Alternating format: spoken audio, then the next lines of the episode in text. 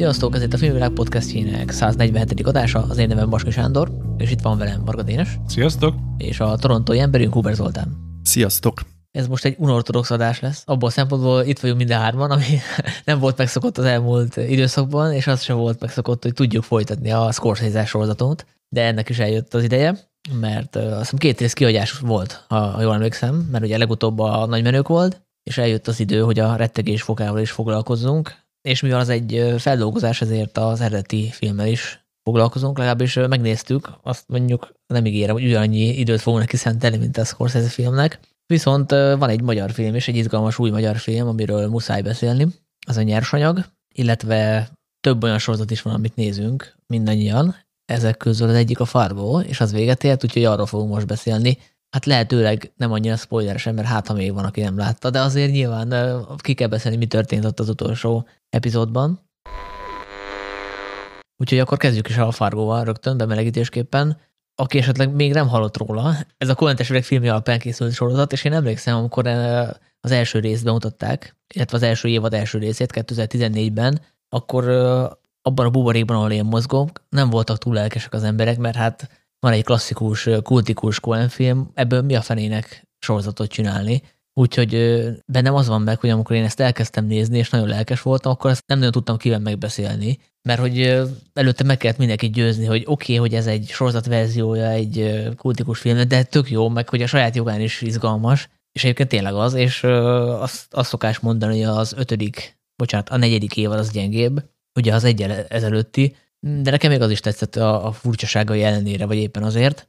És ami nagyon fontos, hogy ez a, sorozat azért működik, mert mert lehet, hogy itt is van egy, egy írószoba, azt nem tudom, de hogy van egyetlen ember, aki ezt nagyon összefogja, tehát van, egy, van ennek egy kreátora, a Noah Hawley, és őnek egy nagyon erős víziója van, és minden, minden évadban van egy olyan téma, ami végigmegy, és azt nagyon szépen végigviszi, és úgy kapcsolódik ez a Cohen univerzumhoz, hogy nem közvetlenül másolja. Nyilvánvalóan ez is minnesota játszódik, itt is azzal a vicces akcentussal beszélnek a szereplők, itt is van egy központi büntény, itt is vannak nagyon gonosz emberek, akik már-már ilyen túlvilági figurák, és itt is a, véletlennek általában nagyon nagy szerepe van, meg a, a gonosz fekete humornak. De ezt leszámítva szerintem önállóan is lehet nézni, tehát aki nem látta a Fargot, mármint a filmet, az is tudja ezeket értékelni, illetve az évadok azok külön is működnek, mert ezek nem függnek össze. Azt hiszem, hogy valamilyen kap- valami minimális kapcsolódás van, tehát lehet találni ilyen személyi szálakat, áthúzódó személyszálakat, de például most a ötödik évadban azt hiszem nincs ilyen pont. Most nem volt ilyen,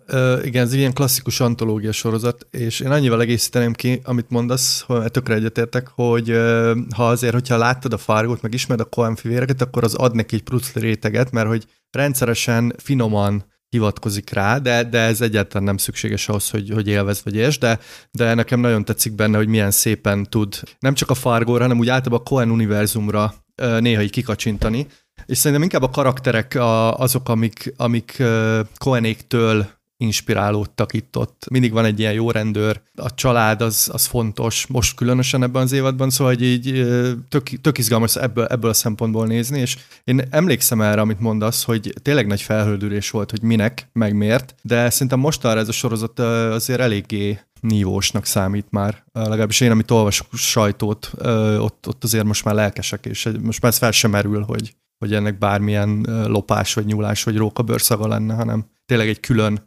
entitás lett. Ez annak is köszönhető egyébként, hogy már az első évadban sikerült óriási nagy neveket meggyőzni, hogy csatlakozzanak. A Billy Bob Thornton volt a, a gonosz ember, és szerintem máig talán ő a leggeniálisabb gonosz sorozatnak. Simán oda lehet tenni mondjuk a Anton Sigur mellé, ugye a Coen testvéreknek a nemvének való vidékben a, a, a főgonosz mellé, de ebben az évadban szerepelt a Colin Hanks, a Martin Freeman, a másodikban Kirsten Dunst, Patrick Wilson, Jesse Plemons, Ted Danson, a harmadikban Ewan McGregor, Kerry Coon, Mary Elizabeth Winstead, és az ötödikben is olyan nevek voltak, mint Chris Rock, Jesse Buckley, Jason Schwartzman, Ben Whishaw, úgyhogy a, a nagyobb színészek azok már érezték kezdettől fogva, hogy érdemes erre a, érdemes csatlakozni ez a sorozathoz. Dénes, te mennyit láttál ezekből? Összesen két évadot láttam. A, azt láttam, amiben duplán szerepel a Ewan McGregor, az hanyadik is? Második. Harmadik. Harmadik, oké. Okay. Szóval akkor a harmadik, és most ezt az ötödiket, szóval tényleg alá tudom húzni, hogy úgy, hogy nekem kimaradt akkor három évad, így is teljesen élvezhető és követhető, és nagyon szórakoztató volt az ötödik évad, és szerintem ezt inkább csak sejtem, mint tudom, de szerintem az egyes, az egyes évadokhoz szerintem fontosabb, hogy magát a fargót lássa az ember, mint hogy a többi évadot. Nekem most az a, az a sejtésem. És a harmadik, hogy, hogy, hogy, hogy mi, mi, mik a kapcsolódási pontok az eredeti Cohen és a, most úgy direkt úgy fogalmazok az ötödik évad között, hát, hogy emlékszem, mikor csináltuk a Cohen sorozatot, akkor nagyon sokat beszéltünk a Fargó kapcsán a, ehhez a régióhoz kapcsolódó embertípusról, és e, e, a, a, ennek a viselkedés módjáról, hogy ez a Minnesota Nice. És nekem tökéletes volt látni, hogy ez mennyire egy fontos motivum az ötödik részben, hogy, a, hogy egyrészt magukra erőltetik ezt a kicsit megjátszott szerint boldogságot és zárkozottságot, és tök jól látni, amikor ebből mindig-mindig kilépnek, és ez is nagyon-nagyon szépen rímel az eredeti fargóra. És a másik pedig, hogy ezt nagyon jól mondta az Anton Sigurt, mert én pont ezt akartam mondani az ötödik évad kapcsán, hogy, hogy érdemes, hogyha ilyen kapcsolódási pontokat keresünk, akkor érdemes a, igazából a teljes Cohen életművet is vizsgálni, mert például az ötödik évadnak a kicsit ilyen, ilyen mitikus, olyan, mint hogy ilyen időutazó bélgyilkos lenne, az egyébként Anton Sigurnak valami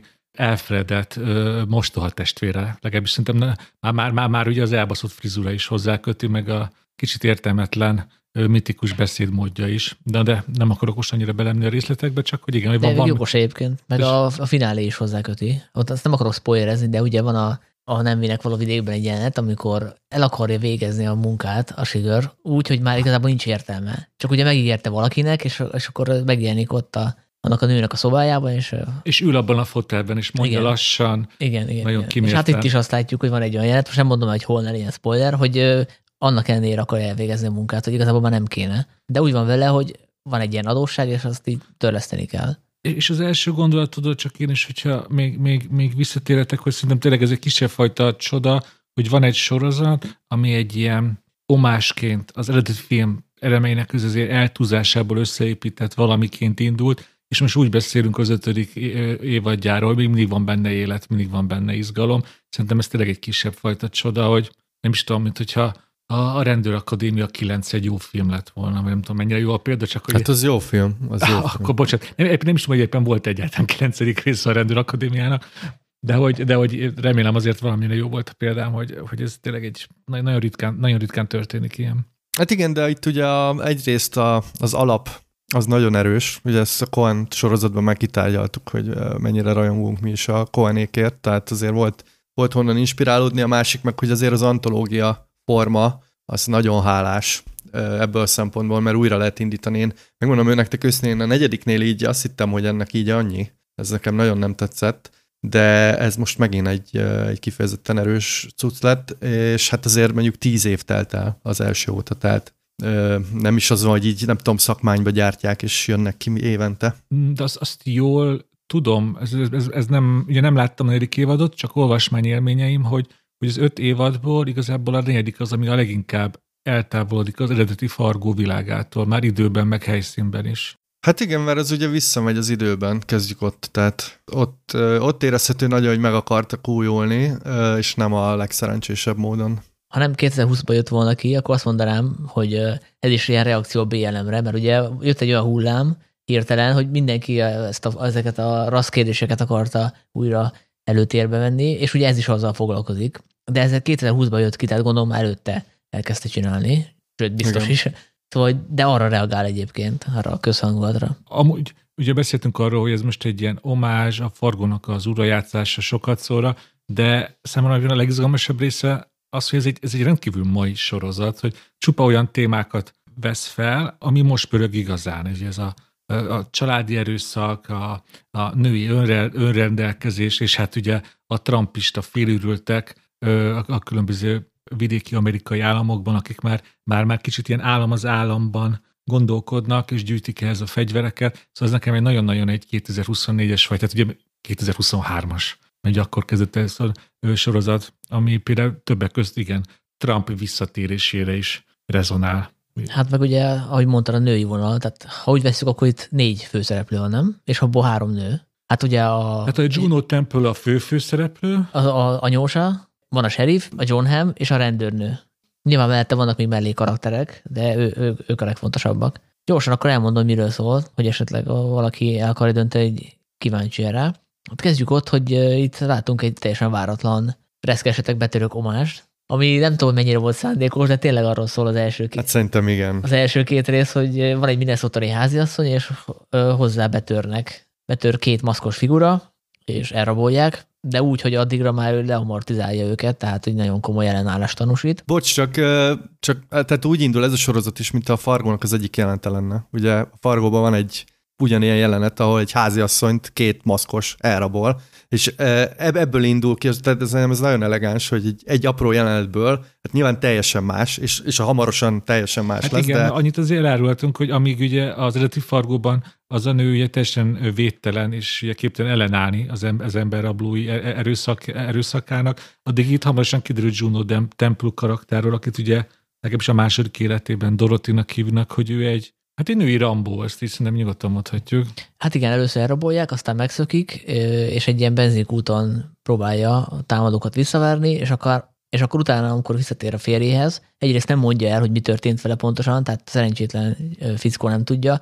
Az anyósa se tudja, aki egyébként egy ilyen nagyon gazda, nagyon befolyásos valaki, ilyen uzsorás kb. csak annál sokkal komolyabb szinteken, tehát hogy adósságok, adósságokat hajt be, meg ismer minden, ismeri az összes politikust, az összes gazdasági szereplőt, szóval hogy nekik sem mondja, hogy mi történt, de hát sejtik, hogy itt, hogy itt nem egy szimpla betörésről van szó, és utána adotti fölkészül arra, hogy jön, visszajönnek a betörők, és akkor így a házát kidekorálja úgy, ahogy a Kevin a reszkesetek betörőkben. Szóval van ez a kapcsolódási pont, és nyilván most muszáj belemenni az első két részen túl is a, a sztoriba, mert hogy mert egy, egy hagyományos sorozatban itt az történne, hogy miután ez a kettő darab maszkos, gonosztevő kudarcot val, küldenek egy még erősebbet. De kiderül, hogy itt az egyik maszkos az igazából nem, nem a főgonosz, de az egyik kulcsfigura a sorozatban, mert hogy kapunk egy flashbacket, ami teljesen what the fuck, tehát a Fargótól ilyen, ilyenre nem tudom, volt már példa, mikor is játszottuk az a flashback? 1500 vagy 1600? 1500-as években körülbelül. És ve, azt hiszem Wells. Wells, Wells igen, igen. És azt látjuk, hogy ott van egy fickó, aki hát nem tudjuk, hogy pont ugyanaz -e, de ugyanúgy néz ki, és ő valamiféle rabszolga,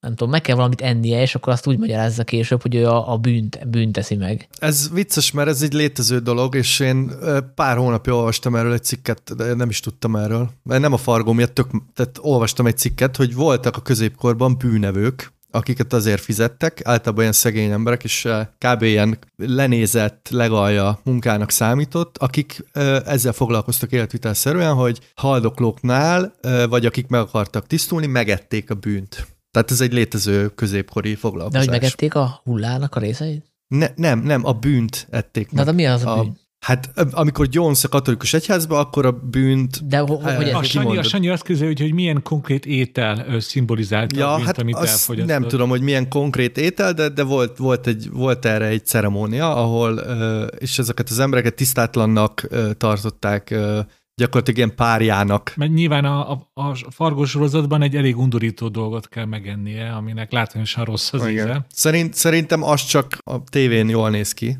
Én, én ugye emlékeim szerint nem volt ilyen, hogy nem tudom, marhabél szimbolizálja a bűnt, vagy nem tudom, hanem de ez egy létező dolog, tehát ezt nem, nem a Fargo írója találta ki, hanem ő gondolom ő is utána olvasott. Lehet, hogy ugyanazt a cikket olvastam, mint én, nem tudom. Szóval így mellékesen bedobja a Noah Wiley ezt a triviát, hogy lehet az egyik főszereplő az több száz éves, és Walesből hajózott át Amerikába sok, sok száz évvel ezelőtt. Aztán kiderül, hogy a két maszkos fickónak a megbízója az egy sheriff, akit a John Hamm alakít, aki egy trumpista sheriff, azt szerintem mondhatjuk, és hogy neki köze van a Dorothyhoz, tehát a Juno Temple által alakított háziasszonyhoz. Úgyhogy ez a négy főfigura van, plusz még van egy rendőrnő, aki ugye a tipikus Minnesota akcentusban beszél, és ugye neki is van egy háttértörténete, hogy van neki egy férje, egy semmire kellő férje, aki otthon golfozik, és várja a csodát, és közben meg nem tud megélni, mert hogy őt is a kilakoltatás fenyegeti. Tehát ez az adósságos történet itt is beugrik. Szerintem elég mondjuk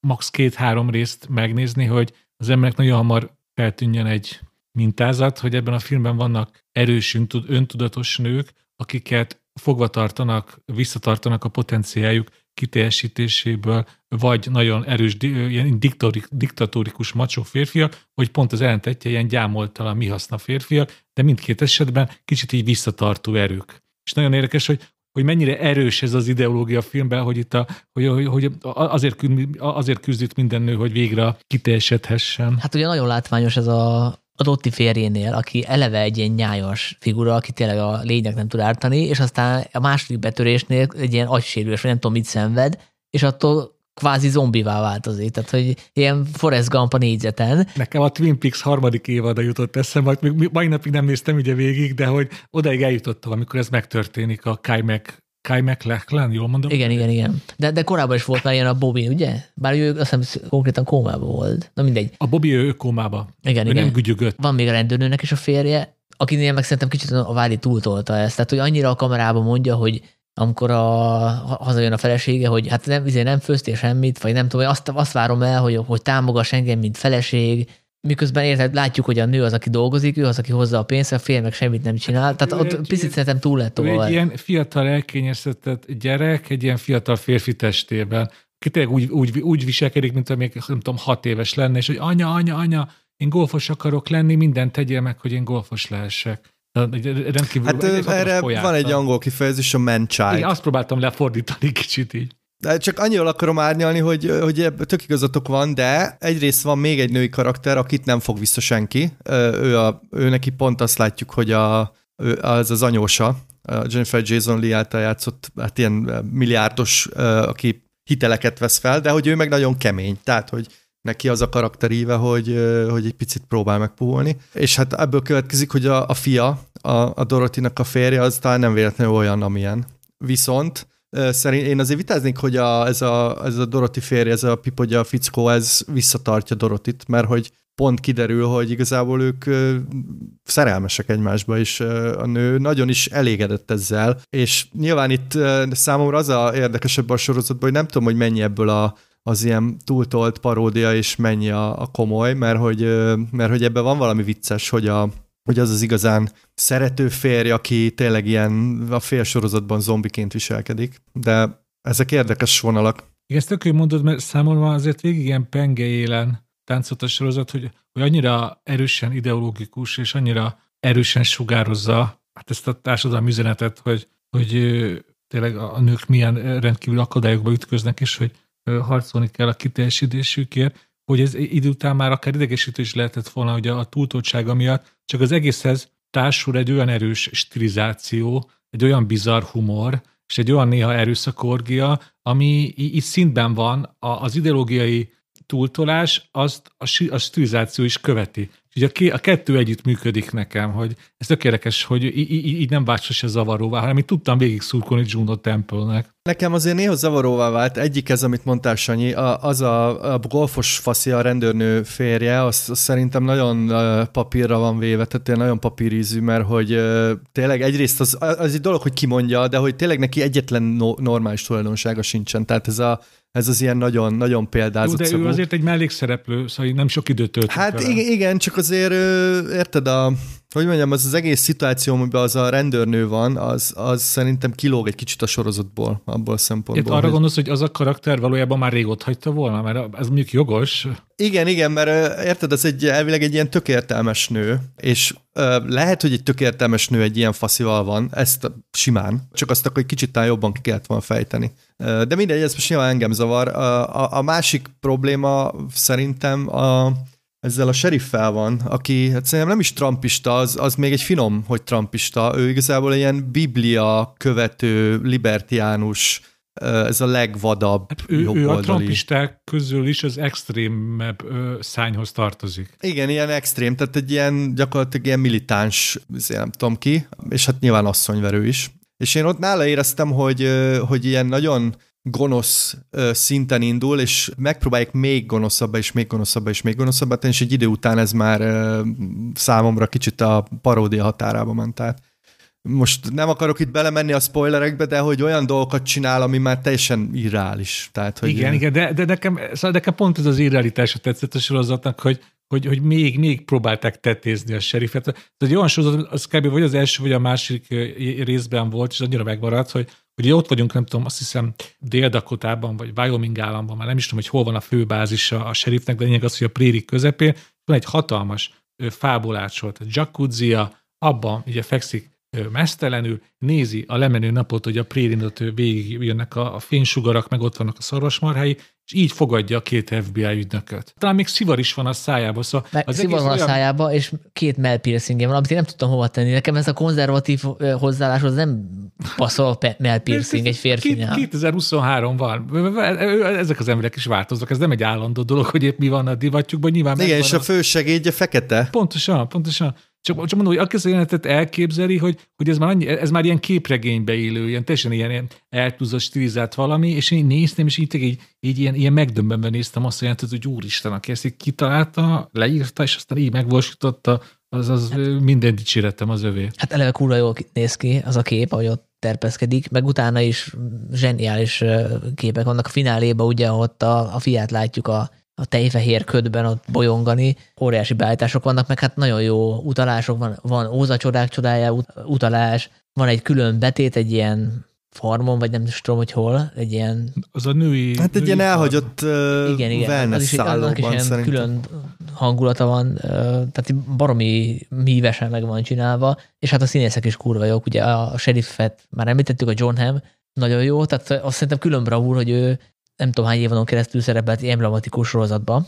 Mad Men-be, és ehhez képest én ezt el tudtam felejteni egy rész után, mert hogy annyira magája tette ezt a, ezt a sheriff figurát. Igen. A Juno Temple is szerintem nagyon jó, hát a Jennifer Jason Lee az zseniális, tehát szerintem a, ezt az accentust a legjobban ő, ő tudta elsajátítani. Volt olyan, akinél már, akinél egy picit rezgett a rész, például a rendőrnőnél, a, nem tudom, hogy kell mondani a nevét, Richa Moriani, ő egy ilyen indiai származású színésznő, Őnál azt éreztem, hogy így nagyon küzd ezzel a Minnesota Nice akcentussal. Nem tudom, ti hogy voltatok vele? Én például annak a számájára írtam, hogy ő indiai származású, hát akkor még a karakterhez is. Jó, de valószínűleg amerikai. Többséges amerikai. Hát jó, de ért, érted, így, így könnyű megmagyarázni. Ja, ja igaz, igaz, igaz, igaz. Szóval, hogy tök jók a színészek, nekem annyi probléma, mondjam. Nem csak egyet még hogy emeljek ki, mert nekem az az egyik legizgalmasabb szár, és egy tök jó színészi játék is társult hozzá, ugye mindenki ugye a Stranger Things-ből ismeri Joe Keery-t. És így most nem tudom, annyira nem ismerem a pályát, hogy mert volt-e másban ilyen, ilyen nagyon nagy fontos szerepet, de hiszem így, így, így, így most végképp kilépett a Stranger Things árnyékából, mert ugye ő a sheriffnek a fiát játsza, és egy ilyen... Ráadásul úgy hívják, hogy Gétor, ami szerintem az aligátorból jött, nem? Simán lehet, és egy ilyen, ilyen tragikomikus szája van, hogy ugye mi, minden ideg szálával azon feszül, minden percében azért dolgozik, hogy felnőjön a, a, az apja által megjelentett macsó ideál, ideálhoz, csak hát látszik rajta, hogy, hogy őhez nagyon kevés. Hogy ő igazából ilyen, hát most átveszük ezt a, nem tudom, Wyomingi szóhasználatot, ő ilyen klasszik, ilyen mama boy, mama's boy, és hát ő, ebből ugye csak tragédia lehet a vége, és nekem nagyon tetszett az ő dramaturgiai íve, ahogy próbálkozik, hogy az apja árnyékából kilépjen, és ez igazából csak egyre nagyobb és nagyobb bajt okoz, és, és, és egyszerűen nem veszi észre magát, hogy, hogy, hogy hova tart, hogy mi lesz belőle. Az egy, hát a tragikomikus szála szépen ugye a tragédiával válik. Nekem ez a egyik kedvenc része a sorozatnak. Igen, azért nem fukarkodik a tragédiával a sorozat, tehát itt több szereplő is elég uh, fekete utat jár be, de ennek ellenére szerintem nagyon-nagyon vicces ez a sorozat, és meglepően vicces.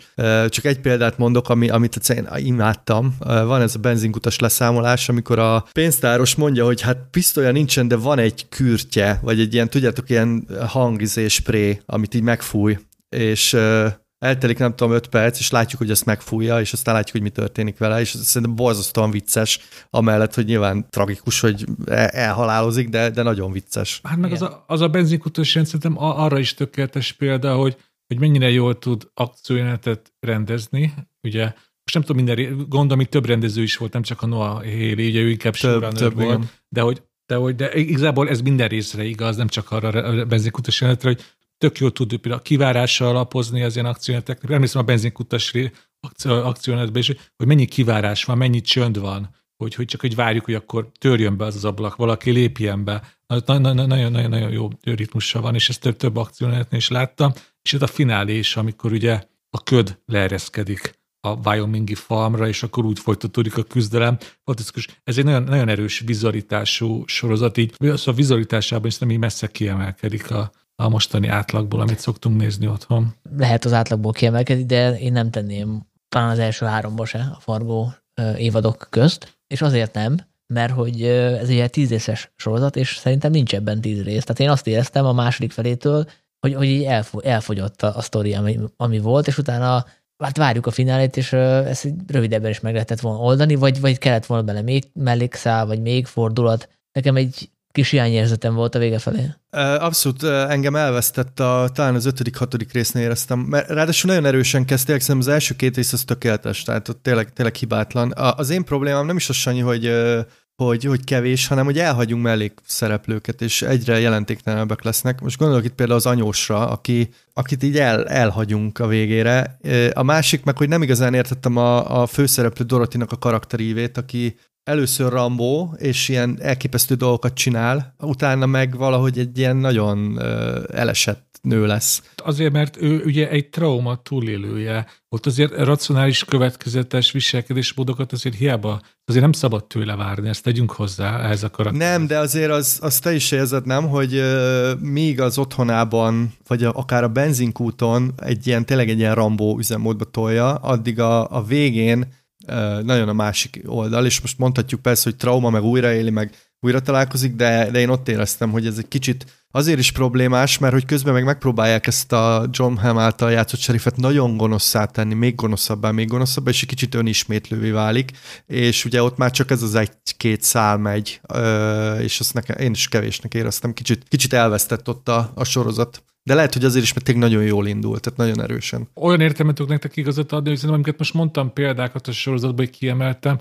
azok vagy mind az elejétől, elejéből, vagy a végéből származtak. Most csak ezen gondolkoztam, hogy azért ez jelenthet valamit. Én, én éppen csak annyit tudok, hogy mindig néztem, hogy melyik nap jön ki, és akkor rögtön mentem is fel a Hát oda, ha ezt a sorozatot meg lehet szerezni most ma Magyarországon. Akkor mondok egy pozitívumot is, hogy itt is sikerült végigvinni azt a központi motivumot, amit a Novavári keresett magának. Nem tudom, én mondok mindig a Novavárit, ő a... Ő a, Car- ő a Carter, Carter doktor. doktor. Noah Hawley, igen Szóval, hogy itt, a, itt, itt a bűntudat meg az adósság, de inkább az adósság volt, és itt nem csak a főszálakban láthatjuk ezt meg, például a, ennek a mítikus figurának a szálában, hanem a kisebb szereplőkében is. Például van egy rendőr, aki, akinek az életét megmenti a Dotti az első vagy a második részben, és ő attól kezdve próbálja ezt az adósságot törleszteni. Tehát erről szól az ő karrieríve, az ő történetíve, és ugye a fináléban is ez vissza, visszajön, ez az ő sorsát meghatározza, hogy minden áron törleszteni akart ezt az adósságot, illetve hát a finálé az gyakorlatilag erről szól, és azt lehet negatívumnak is venni, hogy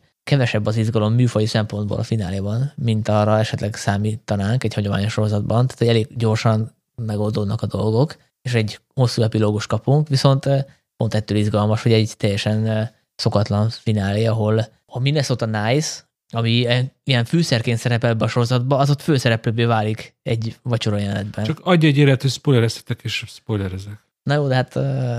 Akkor Sanyi nem adta meg a játékot. Na jó, akkor, ad, akkor adok egyet, tehát uh, mennyit akarsz spoilerezni, csak hogy tudjuk. Ja nem, én csak annyit mondom, hogy szerintem... De várj, uh, akkor spoiler? De nekem csak mondom, mi, mi, mi nagyon tetszett az utolsó jelenetben. Na jó, mondjad. Aztán vagy, vagy bennem van, vagy nem. Szóval, hogy, hogy egy ennyire ilyen harcosan feminista sorozattól nekem nagyon tetszett, hogy, hogy az a vége, hogy, hogy együtt főznek, és felveszik a kötényt, és csinálják azt a tésztát, nem tudom milyen sütihez. Ez, ez, ezeken nagyon, nagyon tetszett, hogy, hogy, hogy, hogy, hogy, ez is tud mennyire ilyen felszabadítóan feminista lenni, hogy, hogy főzzünk egy nőt, és hagyjuk ezt az adósság dolgot, mert ugye... Neked a főzés az feminizmus? Hát pont ebben, ebben a sorozatban igen, mert pont, pont, ez, pont ez a felszabadító benne, hogy, hogy amit te, te Végre mondtál. ott van, ahol a helye van, a konyhában. Igen, igen, hogy amit... De figyelj, a férje fős, csak nem, nem akarlak itt. Jó, a Tehát, hogy a... De azért azt tegyük hozzá, hogy azért ő is mutatja, hogy hogy kell tésztát gyúrni, vagy nem tudom, kereszteni, vagy mi történik ott. Csak hogy ugye pont arról beszél, hogy amit te is mondtál, hogy ennek a filmnek a központi téma az adósság, csak hogy milyen adósság, hogy ebből a macsó becsület kódexben ugye az van, hát ugye legalábbis az ilyen macsó fejekben, hogy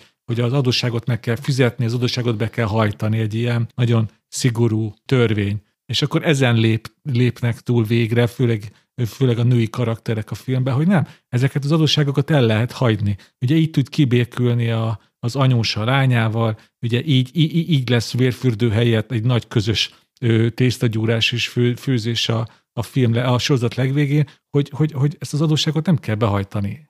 Néha attól jobb lesz nekünk és ez, ez, ez szerintem egy tök szép előre, előre mutató dolog. Nekem nem is, a, nem is a, az adósság része, ez is igaz. Itt, itt szerintem ismét összecseng a Fargó végével, ugye nem tudom, annyira emlékeztek, a Fargó vége az, hogy fekszik az ágyban a, a Marge a férjével, aki ugye ott a bélyeget zélte, festette, és hogy mondja, hogy tudod, nézik a tévét az ágyban, és akkor mondja, hogy, hogy így, nem is tudom, mit mond, hogy jól, jól vagyunk, ugye? És akkor mondja, hogy igen, igen, jól, jól haladunk. És hogy ez az egyszerű, ez az egyszerű családi béke áll szemben ezzel a, hát ne, nem is tudom, hogy ez mennyire macsó, ugye ez a, ez a figura, ez abban a szempontból érdekes, hogy tényleg ilyen túlvilági, valami ősi, és nekem így inkább a Bibliát idézi, ugye mindig abból idéz, hogy el is mondja azt hiszem, hogy egy font húst kér a, az adósságért, stb. stb. Szóval hogy van benne ilyen ősi és hogy ezt győzi le a, az ilyen családi Amire béke. utat, hogy egy ilyen szigorú, megmásodatlan becsületkódex, ami, a, ami alapján él a bélgyilkos, ő, ő tényleg ez, ez alapján él, a sheriff az csak hajtogatja, hogy az alapján él, ő nyilván ilyen korrupt önző ember, aki szándan ő megsérti, a, a bélgyilkos ő legalább ő, ő önazonos, amellett is, hogy azért is nagyon sok bűnt elkövet, de legalább önazonos módon, vagy ő követi el. Igen, de, de nem az van, hogy ez a bérgyilkos azért ilyen szigorú törvények szerint él, mert hogy egyébként tök üres az élete. Tehát, Igen. hogy ő, ő egy ilyen nagyon magányos, hideg valaki, és azért is érdekes az a múltja, meg ez a, ez a bűnev, és mondom nekem ilyen nagyon ilyen, ilyen ősi bibliai, vagy ilyen ó, ószövetségi figurának tűnik, és gyakorlatilag felpuhítja a nő azzal, hogy kedves. Tehát, hogy igazából ennyi történik. Nekem nagyon tetszett ez az epilógus, mert ugye úgy van vége, hogy beleharap ebbe a, a sütibe, amit csinálnak, ez a biszkit, ez egy ilyen sós, ez nem tudom, muffinszerű, ami nekem azért eléggé megidézi a, a, a keresztény vallás központi rítusát, ugye, amikor beleharapsz az ostjába, vagy, vagy nem tudom, vesz, nyelvedre veszed az ostját. És hogy ez szerintem egy nagyon-nagyon izgalmas üzenet, hogy, hogy lehet így is a kedvességem, vagy a nem tudom, így a, a, a, ezen, a, ezen a Minnesota Nice-on keresztül, de nyilván ez azért univerzálisabb ö, megváltani a világot. Szerintem ez egy nagyon szép üzenet. A, a ilyen Krisztusi szentséget, leegyszerűsítve akkor a szeretetet, hogy a Krisztusi megváltást veszed magadhoz. Igen, igen, igen.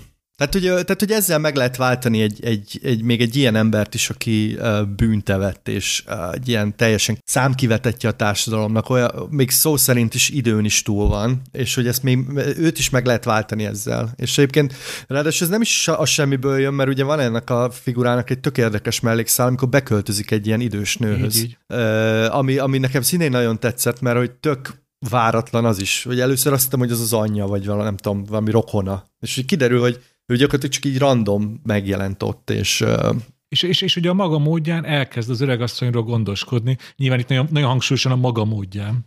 Igen.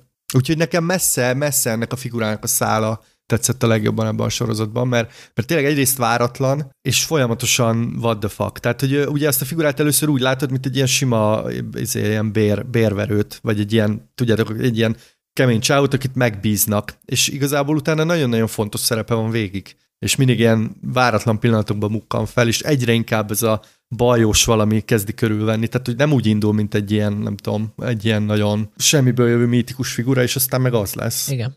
Hát sok mindenről lehetne még beszélni. Lehetne például a Jennifer, a Jennifer Jason karakteréről is, hogy végére egy kvázi, hát nem dicsőül meg, de hát egy ilyen pozitív végkicsengés kap, mert hogy megbocsát, a, a, nem megbocsát, elfogadja a menyét, igen. és emiatt, mint hogyha ő egy magasabb erkölcsi piedesztára lenne emelve, mint a serif, hogy ott ő is pont ugyanolyan rohadék. De hát ő, nő. ő is elenged adósságot itt szimbolikus módon. Hát igen, de szóval igen, tehát mindent nem lehet lezárni. Úgyhogy én örülök, hogy végignéztem ezt, a, ezt az évadot is, és megfogom a következőt is, hogyha lesz. Egyelőre nem tudom, hogy ez folytatódik-e, vagy mikor, mert hogy a Holy az most egy Alien sorozatot csinál az FX-re, úgyhogy ő el van foglalva. És hát én, én most, én most nagyon-nagyon várom, mert legalábbis a Noah Haley, akinek biztos nem így nem így kell kiejteni a nevét, ő, ugye az látszik a fargóból, hogy nagyon ért egyrészt a hangulatteremtéshez, hát ez jó, hogyha megvan egy élén sorozathoz, de hogy, de hogy a sokszínű karakterek megteremtéséhez és ütköztetéséhez, és azért valljuk be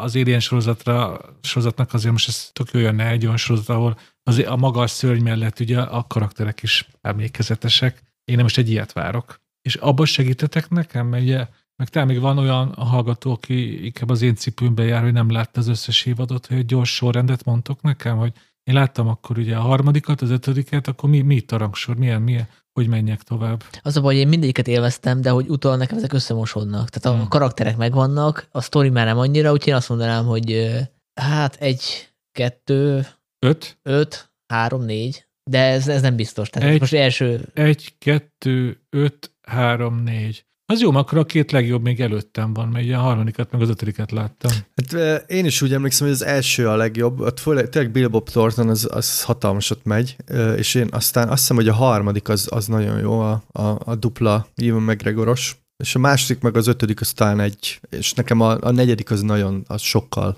gyengébb, mint a többi. Akkor a második film, amivel foglalkozunk ma, sőt az első, mert a Fargo egy sorozat volt, a Nyersanyag, ami egy új magyar film, és Dénes fogja elmondani, hogy miről szól, mert hogy ő podcastelt ha. a főszereplőkkel, de én előtte kettő veszőparipámat elmondanám újra, amiket már kifejtettem a podcastben, úgyhogy lehet, hogy unalmas. Az egyik az, hogy mennyire megbízhatatlan a, az a fajta értékítélet, ami a kritikusoknak van, meg a fesztiváljáróknak a fesztiválok alapján, mert ugye azt feltételezzük, hogy ami jó film, az eljut fesztiválokra. Tehát, hogy ez szerintem ilyen kimondva, kimondatlanul. Ha van egy szerzői film, ami fontosnak tartunk, akkor azt elvárjuk, hogy debütáljon Cannes-ban, vagy Berlinben, vagy mondjuk legalább Károly Valiban, és hát ez nem, nincs mindig így. Tehát, hogy ezzel nyugtathatjuk magunkat, hogy nem maradunk le semmire, hogyha követjük a nagy fesztiválok problémát, de az a helyzet, hogy néha kicsúsznak onnan olyan dolgok, amiknek ott lenne a helyük, és szerintem a nyersanyag is ilyen. Tehát, hogyha valaki megnézi, hogy hol fesztiválozott ez a film, akkor azt látja, hogy sehol. Ergo biztos nincs olyan szinten, mint mondjuk az elmúlt időkből a magyarázat mindenre, vagy az elfogy a levegő, ugye mind a kettő azért hasonló kaliberű film már, ami a, tehát egy, a közönség meg a szerzői film közé ugyanúgy be lehet lőni, költségvetésben sem sokkal nagyobbak, és ugye egyik azt hiszem Velencében volt, a másik meg Tallinnban, ugye? Melyik, melyiket mondott Tallinnban? Bocsánat, Torontoban volt az elfogy a levegő, a magyarázat minden meg Velencében. Így van. És nekem az az állításom, hogy nyersanyag az ugyanezen a szinten van, és ez, ez, mint ez a két film, és ehhez képest nem volt fesztiválon, és lehet, hogy emiatt sokkal kevesebben fognak rá belülni. De, de várj, azért azt tegyük hozzá, hogy a fesztiváloztatásnak van egy ilyen nagyon, tehát egy ilyen elég nagy zé ráépült, és van ennek egy rendszere. És az a nyersanyag, amennyire én tudom, ez tényleg így a semmiből jött, ugye ez egy színház felől érkező alkotógárda, és ta, talán nem tudták ezt, hogy vagy, vagy nem, nem, nem gondolkoztak ilyenben. Tehát ez nem, nem feltétlenül ilyen, nem tudom, a mocskos filmfesztiválosok kihagyták, hanem itt, itt azért más is áll háttérben, de, de ezzel együtt egyetértek veled, hogy, hogy ez, egy, ez megérne egy külön adást egyszer, hogy, hogy az egész fesztivál szisztéma ez mennyire félrevezető. Hát én úgy tudtam, hogy próbálták mennyire... fesztiváloztatni a nagyobb alkategóriás fesztiválokhoz, és hát nem sikerült bejutni. És ez, ez azért is különös, mert szóval azért vannak, vannak ilyen fesztivál kedvenc témák, és szerintem a nyersanyag több ilyet is felvonultat, amire így könnyen rá, rászoktak amúgy harapni a fesztiválok, ugye kisebbségek, társadalmi problémák, a mai Magyarország politikai helyzete,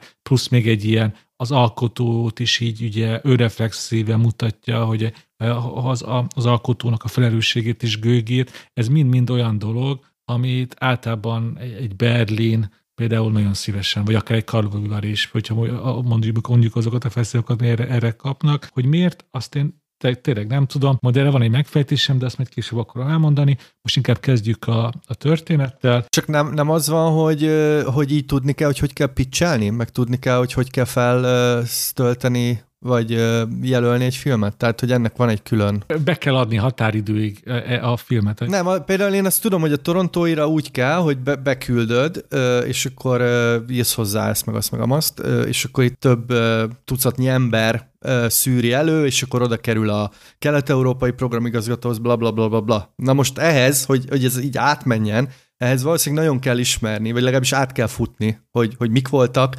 hogy lehet elérni, ezt hogy kell pitchelni, milyen mondattal kezd, mit emelj ki. Tehát csak arra mondom, hogy nem, ez nem a filmről szól szerintem. Hát a filmről is szól, de, de szerintem nagyon fontos, hogy, hogy a rendező Boros Martin, az így oké, okay, hogy a színházi közékből érkezik, de ő már sok éve részes ennek a fővárosi értelmiségi közegnek, ő pontosan tudhatta, hogy mi, mi, mi, mik ezeknek a fesztiválzásnak a kritériuménak. Nincs őt, erre tényleg őt kéne kérdezni, épp én is csodálkozom azon, hogy hogyha az elfogy a levegő ekkora kört futatott be, akkor a nyersanyag miért nem, miért nem? Mert én amúgy a nyersanyagot jobb filmnek tartom, mint az elfogy a levegő. Én is abszolút, és nagyon sajnálom, mert, mert ez szerintem nagyobbat mehetne, vagy mehetett volna. Hát még mehet, azért ne temessük el. Ugye most került a mozikba. Nem, nem, nem temetjük el, persze. És hogy akkor elmondjam, hogy a hosszú felvezető után, hogy amúgy mi is ez a film, amiről beszélünk, van egy, egy, egy kicsin tényleg összesen három emberből álló stáb, egy forgatócsoport, aki egy projektet megy megvalósítani egy, egy, egy kicsiny vidéki magyarországi faluba, ugye egy közösségi filmkészítésre hívnak, hívják meg a helyi gyerekeket, és akkor ezen keresztül adnak neki ilyen közösségi élményt, megtapasztalják, hogy milyen egy csapat részévé váli, és hát, hogy mennyire szórakoztató tud lenni a tét nélküli filmezés. Hogy például egy zombi filmnek, egy zombi filmhez vesznek fel például ilyen apróbb snitteket a faluban, és hogy lehet sok mindenre dicsérni a filmet, de például ez is, hogy például ezt az érzést is szerintem hogy hatásosan átadja, hogy milyen az, amikor az ember tényleg... Zombi filmet vesz Hát nem, az egy szórakozásból filmezik, szóval, hogy, hogy benne van, hogy, hogy, hogy ezek a gyerekek nem azért filmeznek, hogy beszéltünk a fesztiválozásról, nekik eszébe se jut, hogy majd úristen, majd ez Berlinbe megy, amit mi itt felveszünk, meg valami nagyon, valami nagyon okosat kell állítanunk, hanem csak így játszanak a kamerával. És így látszik, hogy egyre jobban belemennek ebbe az egészbe. Ez, ez is például egy tök jó része. Viszont aztán jön a csavar, hogy ez igazából csak a film első egyharmada. A maga a fővárosi filmrendező viszont ennél azért nagyobb ambíciókkal bír, ugye neki van egy nagy filmterve, amit hát nincs kimondva, de kizásos alapon a Nemzeti Filmintézetnél ez van ugye beadva a pályázatra, hogy megkapja rá a pénzét, és végre megcsinálsa a művet, az ő nagy alkotói kinyilatkoztatását, elkaszálják, helyette viszont találott a faluba egy ilyen korrupciós ügyet, és a polgármester után kezd menni kamerába, hogy leleplezze, és akkor ő csináljon egy ilyen dokumentumfilmet arról, hogy milyen szörnyű a magyar valóság, és hát ez hogy szokták ezt ilyen trérekbe elvarni a, a narrátorra mondatot, hogy, hogy ez nem várt tragikus következményekkel jár.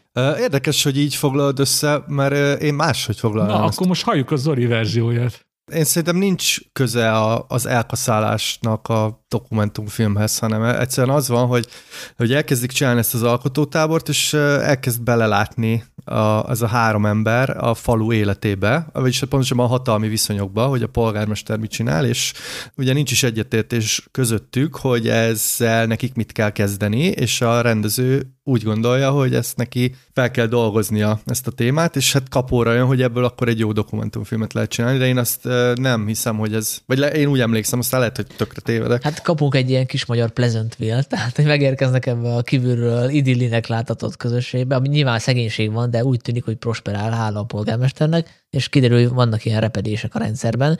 Viszont én visszatérnék akkor bevezetőmhöz, mert azt mondta, hogy van egy, illetve két veszőparipám, és a másik veszőparipám az az, hogy milyen jó úgy beülni egy filmre, hogy nem tudsz róla semmit. Tehát nem láttam az előzetes, nem tudtam róla semmit, és ez azért izgalmas, mert amikor elkezdődött a történet, nekem fogalmam sem volt, hogy a filmesekről fog kiderülni, hogy ők ilyen elkényeztetett városi ficsúrok, vagy a háttérben a, ugye a falusiak lesznek gonoszak, mint a rural horrorokban Amerikában. Úgyhogy én teljesen nyitottan figyeltem minden, minden a, a filmeseket, mint a polgármestert, aki elsőre egy nagyon szimpatikus figurának tűnt, meg később is láttam az ő igazát, és, és nekem tök izgalmas volt így úgy nézni a filmet, nincsenek benne előítéletek. Tehát nem úgy ülök be a filmre, hogy már előre tudom, hogy a, ő az a gonosz karakter, neki kell drukkolni, és szerintem sokkal jobb ez a, ez a fajta árnyaltja, meg az egész filmre is ez jellemző szerintem, hogy nincsenek olyan élesen meghúzva a kontúrok, akár mint a magyarázat mindenreben sem. Tehát, hogy ez, ez az erénye szerintem, hogy van, van egyfajta ilyen árnyaltsága. Ez persze, ugye a D.S. Zsolt játsza a rendezőt, és hát róla is ugyanezt így lehet mondani, hogy akkor most ő tényleg csak egy ilyen önző alkotói gők hajtja? Vagy tényleg van benne egy ilyen jobbítós szándék, hogy ő most a falunak ezzel jót tesz? És ez is egy tök érdekes kérdés szerintem a film kapcsán, hogy szerintem ezt nem lehet egyértelműen eldönteni, magyarul mindkettő igaz, és mindkettő keveredik, és nehéz szétszáladni ezeket a benne feszülő érzelmeket. És ez például tök izgalmassá teszi az ő karakterét, és ugyanígy erről interjúkban is tök szívesen beszél a Boros Martin, hogy igen, van egy, van egy kiskirályként viselkedő polgármester, aki ilyen függési viszonyokat hoz létre a falujában, mindenki tőle függ. Ugye eddig ez egy gonosz karakter. Aztán lehet folytatni a mondatot, de amúgy ő munkát ad, és, és megélhetést az amúgy munkanélküliségben tengődő ottani embereknek, és akkor már is árnyalódik ez az egész. És, és e, e, emiatt is tök érdekes ez a film, hogy ennek alapján tök izgalmas beszélgetéseket lehet folytatni erről az egész, hogy így jön a messziről jött városi ember a faluba, és akkor rájön, hogy itt mindenkinek szar, és akkor jobbá akarja tenni, de hogy azért ez nem ennyire egyszerű, hogy én most lemegyek hétvégente, nem tudom, akkor nincs kitálok egy, egy falu nevet Nyíracsádra, és akkor közösségi munkában megváltom a falut, mert hát azért ez ennél jóval bonyolultabb.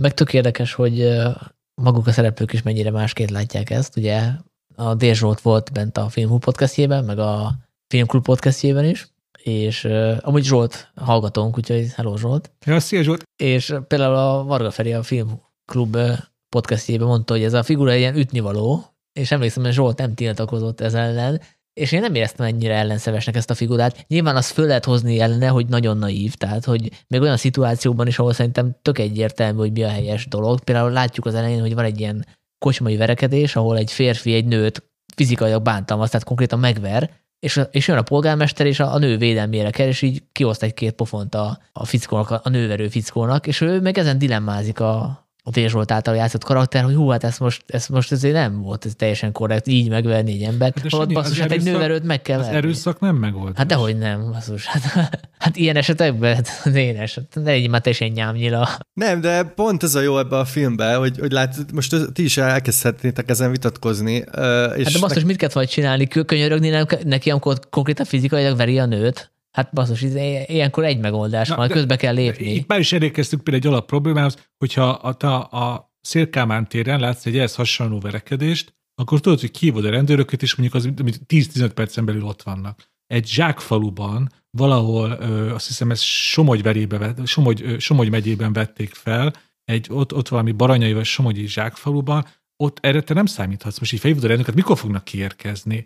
Ott teljesen más gondolkodás van. Pont erről szól a, a film számomra, hogy, hogy nem feltétlenül tudod kívülről megítélni a viszonyokat, főleg ha két napja vagy ott. Nem tudod, hogy ott a helyi rendőr. Ja, azt hittem azt mondod, hogy ott, ott a nőverés az ott normális, mert tudod, vidéken nem, az nem, az ő kultúrájuk. Dehogy is, nem. nem. Én, Sanyi, én egyetértek veled, hogy nyilván közbe kell lépni, és nyilván a, nem a rendező lép közbe, de... Az olyan teljesen igaza van. Én most rögtön abba a hibába estem, mint a Dérzsót karaktere, hogy most innen a, a, a film stúdiából megmondtam, hogy egy hogy egy, egy random Somogy megyei faluba hogy működik a közbiztonság. Nem, igazából akkor az úgy állna hogy, hogy amíg tudom, hogy a Szélkámán téren én akkor ilyenkor felhívnám a rendőrséget, lehet, hogy teljesen más rutinok vagy elképzelések uralkodnak egy, egy, egy határszéli Igen, faluban. nekem tudjátok, mi jutott eszembe erről a filmről, amikor néztem, a, a pár éve volt a, a választásokon, amikor leutaztak Budapestről, nem tudom, emlékeztek ezt, ilyen választási bizottságokba, és akkor mindenki, volt egy ilyen kör, hogy mindenki arról posztolt, hogy jé, izé, nem tudom, a vidéki fideszesek is emberek, meg uh, stb. stb. És ugye a film hasonló dolgokra kérdez rá, hogy, hogy ugye megérkeznek ezek az alkotók, és akkor így, így azt gondolják, hogy, hogy értik, hogy mi történik a faluban, de ugye folyamatosan kiderül, hogy nem, mégse, mégse, mégse. És ugye nekem nagyon tetszik, hogy ez a három fővárosi, nem tudom, értelmiségi művész, vagy alkotó, vagy filmes, teljesen máshogy áll a, a, a kérdéshez, és tehát, hogy ez a, a jó szándék, azt nem megkérdőjelezhető a részükről, de az, hogy ez a jó szándék, ez hogy nyilvánul meg, meg ez pontosan mit jelent, meg ez pontosan mit okoz, ezek, ezeket tök jól vizsgálja a film, ezek nagyon tetszett ez a rétege. És igen, tehát tényleg itt össze lehet akkor veszni, hogy, hogy, hogy meg kell leverni a nőverőt, vagy nem. Meg, szerintem azon nem kell összeveszni, mert én pont azt akartam mondani, hogy ebben az esetben szerintem a Dézsolt karakternek nincs igaza, tehát hogy ott naív, és vannak olyan szituációk, ahol ezt a fajta ilyen városi elidegenedettségét demonstrálja, viszont azzal sem értek egyet, hogy egyfajta ilyen, nem tudom, elitista lenne, vagy ilyen megváltó szindrómás lenne, mert az is normális, hogyha látod, hogy valami nem megy jól, akkor próbálsz változtatni, és az ember lehet vele helyezni az operatőr karaktert, aki meg amikor segítséget kér tőle, akkor azt mondja, hogy ő ebben nem avatkozik bele, ő inkább hazamegy. És én nem gondolnám, hogy az operatőrnek a, a hozzáállása pozitívabb. Nyilván az ő, ő a bölcsebb, mert tudja, hogy nem tud itt egy ember változtatás, változást elérni. Tehát, hogy igen, ő a, a józanabb, pragmatikusabb, de hogyha nincs meg bennünk az a, az a változtatási vágy, ami megvan ebben a filmrendezőben, ami szerintem őszinte, és nem csak arról szól, hogy akar egy jó filmet csinálni, az baj. Tehát, hogy azt mondjuk, hogy, hogy ez nem az én problémám, a tanárok ügye nem az én problémám, mert nem vagyok tanár, a diákoké nem az, én, nem az enyém, mert nem vagyok diák, a sztrájkoló orvosoké nem az enyém, mert nem vagyok orvos, érted, akkor senki nem áll ki senkiért. Tehát, hogy kell, hogy legyen egy ilyen forradalmi hevület. Akkor is, hogyha egyfajta De... naivitással ö, párosul. De várjál, ezzel egyetértek, csak utána a te felelősséget, hogy mennyire ismered meg a tanárok problémát, az orvosok problémát, és hogy pont ezzel van a probléma, hogy nagyon egyszerű, fekete-fehér megoldásokba esni, és azt mondani, hogy ez így van, és akkor ez ilyen. Vagy, és szerintem erre nagyon jó példa ez a film, hogy, hogy azért minden probléma egy picit komplexebb, mint ahogy gondolod, és érdemes talán ö, átgondolni. Azzal nincs, azzal nekem sincs semmi, nem is kérdés, hogy ki kell állni másokért, meg más ügyekért, meg ki kell, csak, csak szerintem van egy felelősséget, ha kiállsz, hogy, ö,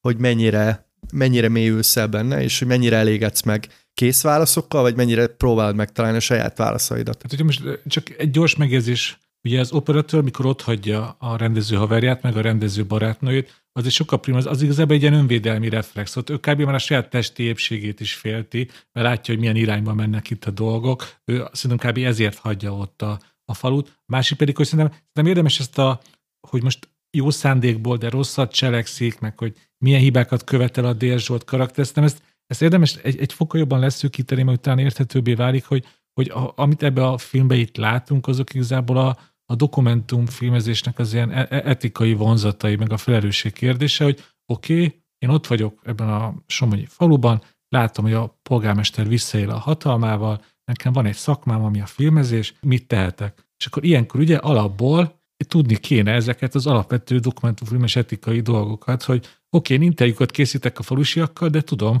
hogy azokat csak nekem úgy szabad felhasználnom, hogy azzal én ne áll csak az interjú anyagnak. Meg hogy meg magának az interjú készítésnek is megvannak a szabályai, hogy azok ne legyenek manipulatívak, hogy ne húzzunk ki az interjú anyagból olyan mondatot, amit valójában nem is akart mondani. És hogy ezeket a szabályokat a, az a rendező ez folyamatosan megsérti. Hát néha azt, az is kell, hogy megsértsd a szabályokat. De, de, a jó művészeknek ez is a sajátossága. De ne, várj, várj, itt most nagyon fontos, hogy amit te mondasz szabály, azt szerintem az, az, az a fikcióra vonatkozik. Hát és azért a Michael Moore munkásságát megnézzük hát, meg néhány nagy okay, dokumentumfilmes. Oké, okay, nyilván ő egy ilyen ellentmondásos figura. És azért a Michael Moore ezért nagyon-nagyon sokan ugye kritizálták, persze, persze. is. És azért, hogyha most megnézzük a, a mostani dokumentumfilmes diskurzust, azért már eléggé túlment Michael Moore-on, és már nagyon nincs. Jó, én, de oké, de ő nem egy dokumentumfilmes uh, eleve. Hát tehát ő, ő, ő, ő, ő, és pont nem, ő, ja, bocsánat, nem arra beszélek, hanem ja, a Dézsol karakteréről, hogy ő egy egy ilyen művészeti projektben akart részt venni, közben ott van a fejében, hogy ő csinál egy pont fikciós filmet, bocsánat, pont, de közben meg ugye olyan, olyan az ötlet, hogy akkor csináljunk egy dokumentumfilmet menet közben. Nekem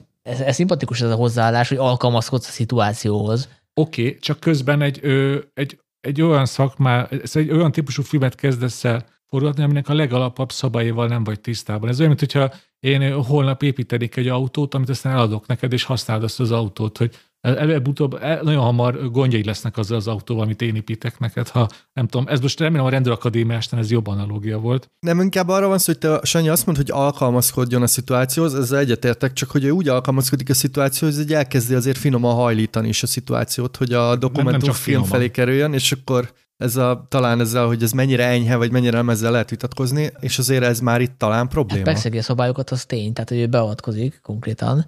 Te csúsztat, vagy hazudik bármivel? Hát nem, konkrétan nem hazudik, de azért... Hát illegálisan úgy, jut hozzá dokumentumokhoz, persze. Meg, meg úgy befolyásol szemtanúkat, igen, hogy... Igen.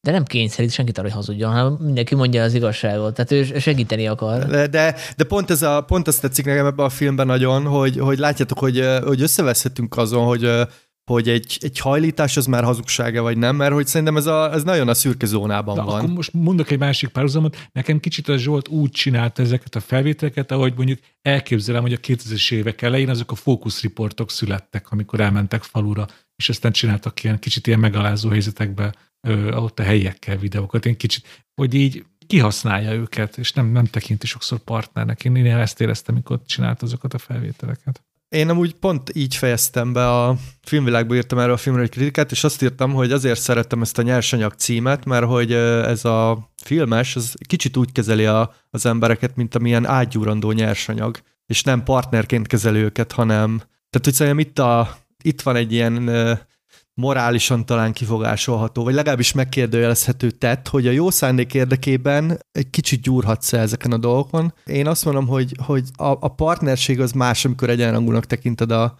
az alanyaidat, és hogy ez kurva nehéz, tehát hogy ez nyilván nagyon nehéz, főleg úgy, hogy kívülről érkezel egy faluba, és hiába vagy ott néhány hete, egyszerűen érted, van egy hatalmas szakadék, amit szerintem nem lehet áthidalni, és Nekem az, az, az a nagyon ebben a filmben, hogy a, a magyar filmben, hogyha most így a filmtörténetet nézzük, a falu az vagy ilyen nagyon idealisztikusan szokott megjelenni, vagy egy ilyen nyomortanya, ahol így ilyen elmaradott emberek szenvednek, és vannak kivételek, meg mindig is voltak, meg például most ez a tavaly a Larry is ilyen tök jó példa, hogy hogy lehet úgy is ábrázolni a falut, hogy, hogy ott, is, ott is egy másfajta közösség van, amit nem feltétlenül ért meg az odaérkező alkotó.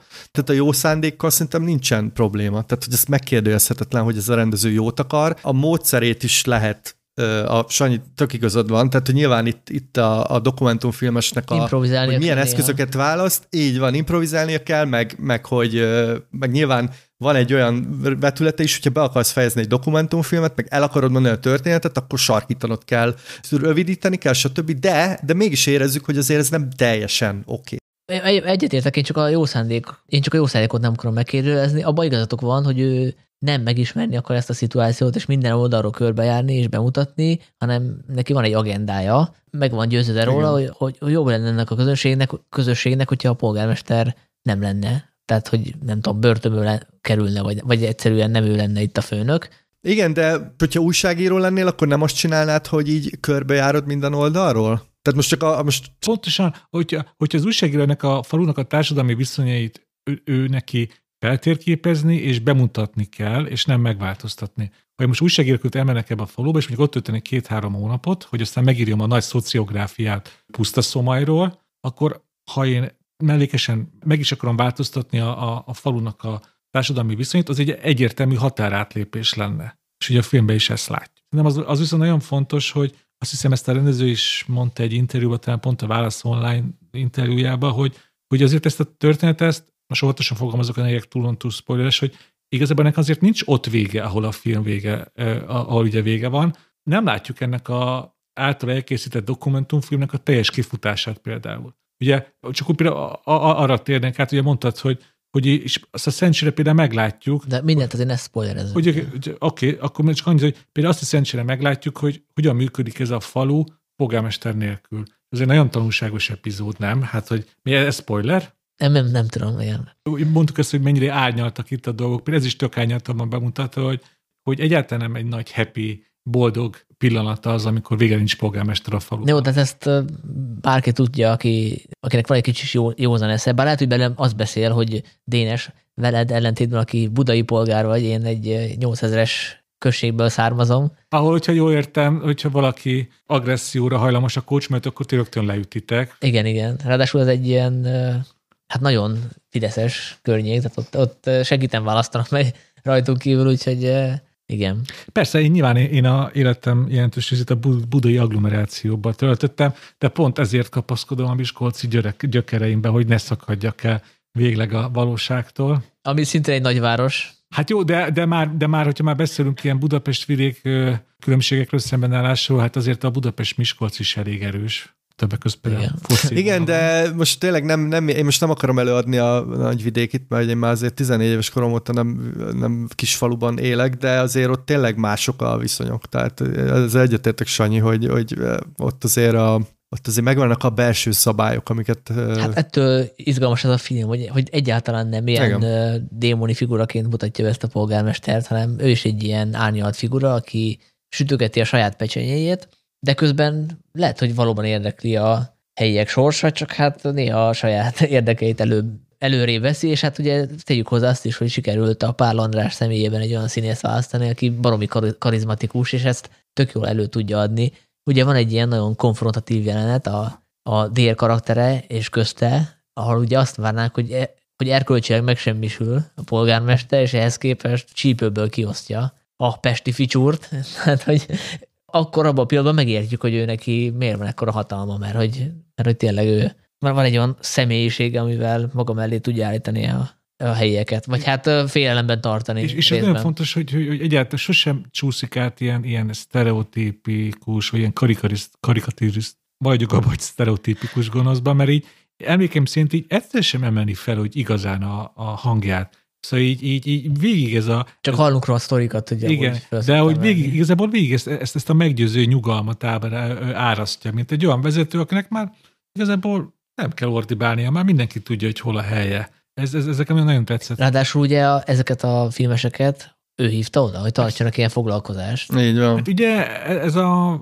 akkor most megint ilyen, ilyen Boros Martin interjú részleteket tudok így előrántani, hogy ő ezt már több helyen lenyilatkozta, ugye, hogy az egész film ugye többek között abból az alapélményből eredeztető, hogy, hogy ilyen, ilyen hűbéres országban élünk, hogy mindenki mindenkinek a legköz, legkötelezettje, hogy ugye a polgármester a képviselőnek, a képviselő ugye a, a pártnak, hogy mindenki függ mindenkitől, például azért, hogy egy faluhoz megérkezzenek ezek a pályázatok. Itt azt látjuk, hogy ő, ő, ő megkaptak egy pályázatot, annak gondolom a pénz egy része marad a polgármesternél, a pénz másik része megy a, a filmes csoportnak, és így mindenkinek jó.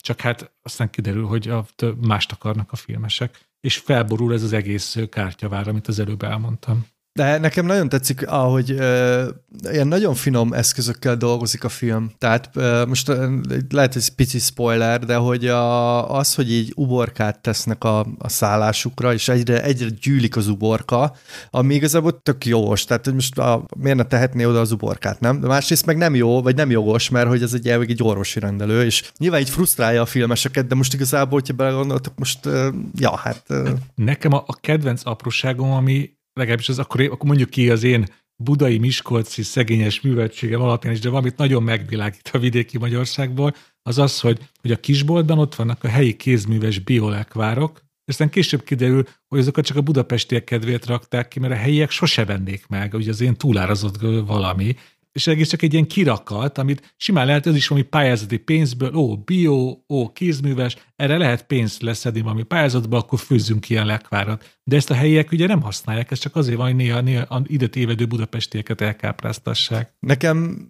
tudod, melyik volt a kedvenc Budapest vidék ellentétem? Amikor eh, bográcsoznak a Ó, filmesek, igen. és eh, etióp, eh, nem tudom mit főznek, és akkor így a, a helyiek arcán azért átfut. Ez, ez szerintem ez is egy... És akkor kérdezgetik egymás között, hogy miért? miért igen, ez, ez, is nagyon valid. Tehát. Hát azt még én sem ismerem, szóval ezt én is úgy néztem, mint a hát Nem azt, hogy nem ismered, de nyilván azért, azért pörköltözni szoktak, tehát hogy ez teljesen irreális, hogy nem tudom. Jó, de ez Szerintem belefér, mert ilyen kedves gesztus volt, nem? Persze, hát kedves gesztus, csak a, a távolságot akarom mutatni, vagy a távolságot persze, mutatja, hogy... Az árnyaltság, hogy nyilván a filmesek, ők jót akarnak, hogy megmutatni valami új kaját, csak ezzel egy kicsit olyan nevetségessé teszik magukat, hogy minden kettő benne van, hogy jót is Hát ez amikor is. jót akarsz, csak nem érted a, a másikat teljesen. Tehát, hogy nem tudom, lehetett jó pörköltet csinálni, csak tegyél bele disznót. Vagy értitek, hogy mit mondok, hogy hogy van, van, egy ilyen, van egy ilyen határ, ahol így azért, de, de van egy másik jelent, amikor a srác ilyen iPhone fülhallgatóval fut a szegény soron reggel, és hogy az is egy olyan, hogy,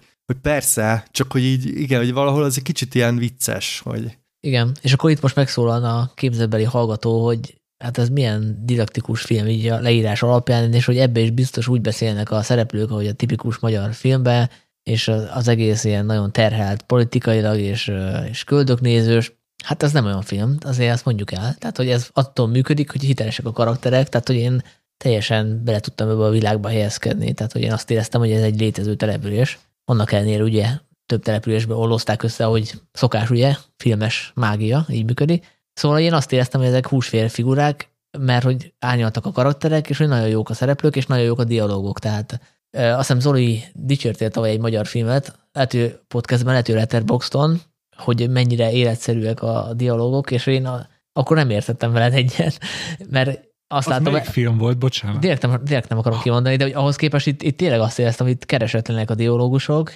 Például a, van a Szabó Stefi nevű karakter, egy 16 éves kislány, ő olyan természetesen bazd meg el, hogy nem, nem is tudom, mikor hallottam utoljára ilyet, hogy ennyire, ennyire hiteles. És uh, ugye beszéltünk a főszereplőről, a Dér a Pál András is nagyon jó, a Mészáros Blanka is, a Baki Dániel is, ugye ők a, a főszereplők, de mellettük az amatőrök is többnyire jók. Van azért kivétel, tehát hogy van, van egy, van egy kisfiú, és az ő édesanyja, ő neki idegenül mozog a kamera előtt, de ott is érződik egyébként, hogy az első jelenetekben rosszabb volt, és aztán belejött, gondolom azt, így időben, időrendbe vehették föl.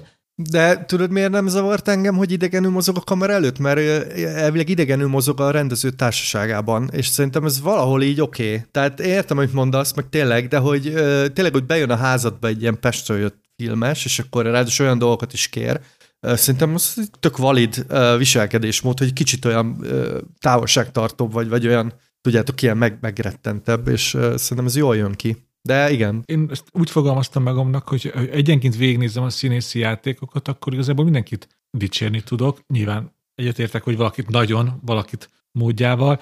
Ha mindenki valamit kritizálnom kellene, de igazából szerintem ez a casting miatt ez így elköltetlen volt, hogy azért azért nagyon hamar lehetett érezni azt, hogy ki az, aki mondjuk Budapestről jött velük a forgatócsoporttal, és ki az, akit helyben találtak, mondjuk a gyerekek között. És, és, így, és így kb. tényleg, amit tippeltem, az így kb.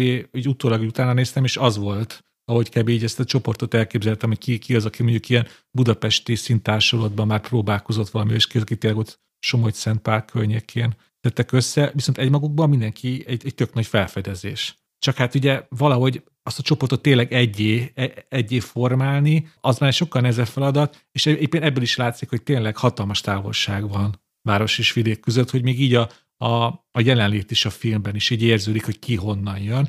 De persze ez egyáltalán nem zavaró a filmben, csak hogy úgy meg lehet tippelni. Nekem az is tetszett, hogy nincsenek ilyen nagyon poentírozott drámák, tehát hogy nincsenek kielezett szituációk, tehát nem annyira didaktikus ez a film, mint amennyire hangzik esetleg a leírások Igen. alapján, és mondok egy példát. Nem tudom, mondta a Dénes, hogy a, ebből három tagustából ketten egy párt alkotnak, ugye? Igen, a Mészáros Blanka és a Dél Zsolt. Igen, tehát hogy az ő viszonyuk folyamatosan változik közben, mert hogy a, mert hogy a Blanka karaktere nem tud annyira menni a sráccal, az ő forradalmi hevületével, és ez lejön, ahogy nézed a filmet, hogy ők eltávolnak egy kicsit egymástól, de hogy ez nincs annyira élesen kimondva, tehát nincsenek ilyen óriási összefeszülések, és mégis értjük, hogy mi történik itt. Igen, ez tök hogy mondod, tele van a film ilyen, ilyen apró mini történetekkel, például az így nem sok játékidőt kap, de végig is megjegyzi az ember, hogy ez is milyen, a, milyen arany, aranyos mellékszel, amikor a, hát bocsánat, most nem fogom tudni nevét, a Dagi Roma kisrác, ugye rájön, hogy ő, hogy ő szeret operatőrködni. Az is egy olyan kis kedves része. Vagy amikor elmennek ugye vendégségbe a, a falu másik ilyen, ő, hát hogy mondjam, egy, egy másik kiváltságos családhoz, és akkor velük is beszélgetek, és szépen kezd valami kirajzolódni. Tehát a, a, az, a, fa, a faluban az ellentétekről, és akkor mi, mi ezek, ezek a kis-kis mini történetek. Meg hogy ezeket az információkat folyamatosan csepegtetik, tehát nem úgy, hogy egyszerre ránk zúdítják, tehát hogy az olyan, amit mondasz, hogy ott, hogy ott nem is tudtam, hogy mi történik, hogy mi az a családlátogatás, és utána kiderült, hogy ugye előtte a, az operatőrt fölkért egy nem tudom 14-15 éves kislány, hogy vegyen föl neki egy bemutatkozó videót az, az X-faktor, az is annyira, annyira pontos. És jelenet. ugye ő megmondta, hogy hát most én menjek oda felnőtt emberként egy tini lánynak a hálószobájába a kamerával, és utána látjuk, hogy ez megtörténik, de úgy egy olyan kompromisszummal, hogy közben átmentek velük a, átment velük a, a stáb másik két tagja is. De hogy ez utólag derül ki, hogy ez történt. Igen, igen, és ez annyira csodálatos, hogy a, a Baki Dániel ilyen múj, mújat tekintettel mondja, úristen, most én tényleg egy 15 éves lánynak a hálószobában fogom őt filmezni, hogy ez így, ez, ez, ez így nagyon nem oké, és akkor az ember tényleg így, Hát igen. És szóval mondom, ezek, még egyszer, hogy mondjam ki, ez nagyon fontos, ezek, a, ezek tök jók, ezek a mini történetek benne, meg hát az egész, ahogy a másik kedvenc kis epizódom, ahogy a Calvin tér fel van vezetve ebben a filmben, mert ugye nekem a Calvin tér az ilyen teljesen semleges tér. Ez a film ilyen tök, tök érdekes történetet tölti meg, amire sose gondoltam volna, hogyha, hogy valaki, valaki egy faluból él, nem tudom, és 14 évesen azt hallja a Calvin tér, akkor neki ez egy ilyen mesebeli dolog. És így el tudtam képzelni, hogy tényleg lehet ilyen, hogy valaki, vagy így kimondani is bizarr számomra, hogy valaki vágyik arra, hogy egyszer megláthassa a Calvin teret. Szóval Hát ebben azért van valami elképesztő szomorúság is, mert... Szerintem ez abszolút reális, tehát én erre rá tudtam csatlakozni, de el, elmondhatom az én kedvenc történet számomat, de spoileres lesz. vagy hagyjuk inkább, vagy menjünk tovább. Na jó, hajrá. De spo- spoileres lesz. A, az én kedvencem, amit szerintem nagyon-nagyon szépen old meg a film, az a, a rendező és a, a kislánynak a kapcsolata. Mert hogy ott, ott ugye, és ez nagyon-nagyon fontos, és szerintem itt jelenik meg az, amikor a, hogy az alkotó mennyire formálja a, az anyagot, mert hogy itt nyilvánvaló, hogy ennek a kislánynak tetszik ez a rendező, meg tetszik ez a kiemelt figyelm. Nyilván egy ilyen ártatlan ilyen tini, nem tudom, vonzalom, viszont nagyon finoman van ábrázolva, de a rendező ezt elkezdi etetni ezt a, ezt a rajongást, és mégis így húzza ki a lányból azokat a dolgokat, amik ugye nem történnek meg valójában. Tehát, hogy ugye a, a lány annyira akar idomulni ehhez a, ehhez a rendezőhöz, hogy, hogy végül is azt mondja, hogy a, hogy súgja, hogy az a, az a nevelőapja, a polgármester megverte, meg hogy ő mérgezte meg a kutyát, és kiderülnek, hogy ezek azért nem igazak. És ugye ez, ez nagyon-nagyon finoman és szépen van építve, és csak arra mondom, hogy, hogy ez egy nagyon jól megírt film. Tehát, hogy tényleg az van, hogy itt, uh, itt sok információt kapunk, de nem direkten, és nem is ilyen csomagokban, hanem folyamatosan, és uh, minden egyes szálnak van ilyen építő hatása, vagy nem tudom, szerepe. Szerintem most, hogy már így, így tök sok pozitívumot elmondtuk a film, szerintem most, most jobban el tudom mondani, hogy szerintem miért, ez tényleg egy tép, nincs mögötte semmilyen ilyen háttértudás, hogy szerintem például azért nem keltett ez a fesztiváloknak, hogy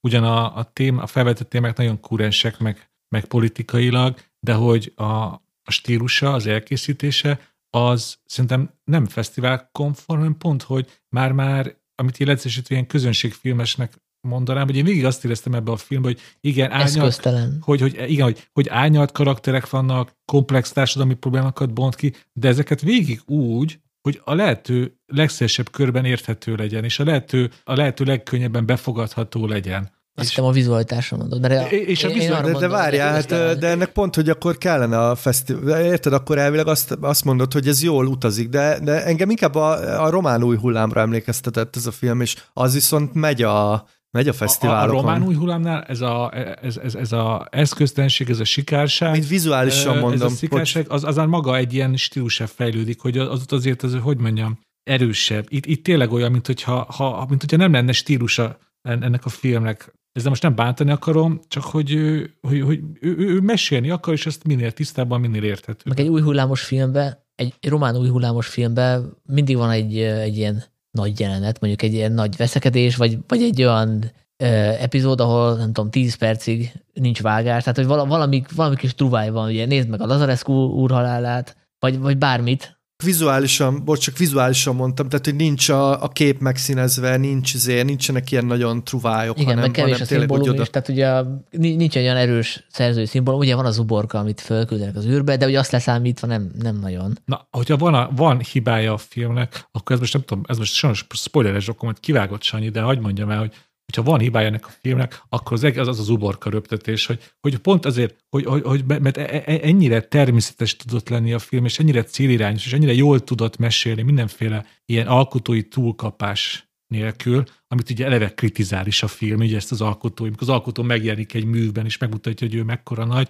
hát akkor pont nem kellett volna az uborka röptetés a végére, mert anélkül is sokkal, szóval anélkül konkrétan erősebb lett volna a vége nem, nem, nem kellenek a szimbólumok, amikor, amikor a engem nem zavar, tehát hogy ez engem, most egy fél zavar. perc gyakorlatilag, amiről Jó, beszél. Hát persze most persze, nekem se így emelte meg a púzusomat, hogy úristen, rombol. Nekem abban a szempontból jó volt ez az uborka reptetés, hogy ott, ott van egy idő, van egy kis időd így levegőt venni, vagy így egy kicsit tudod így át, mert azért ez a, azt mondjuk, hogy ez a film szerintem elég feszült, tehát hogy nem, nem tűnik feszültnek, de azért tényleg eléggé sok mindent felvet. Ami, ami számomra egy zavaró volt, de nyilván ez már ilyen ez, ez már nagyon ilyen szőrszásogatás, hogy hogy, hogy ott ugye két verőember rájuk megy a sátornál, én lehet, hogy azt, azt már, tehát hogy, hogyha visszább lépünk, és nem, nem eszkalálódik tényleg ilyen fizikai erőszak, akkor lehet, hogy még erősebb, nem? Nem. Nem, az kellett, az kellett. Szóval azért legyen valami fizikai erőszak egy filmben, a, Igen. ha lehetek ennyire tömegfilmes.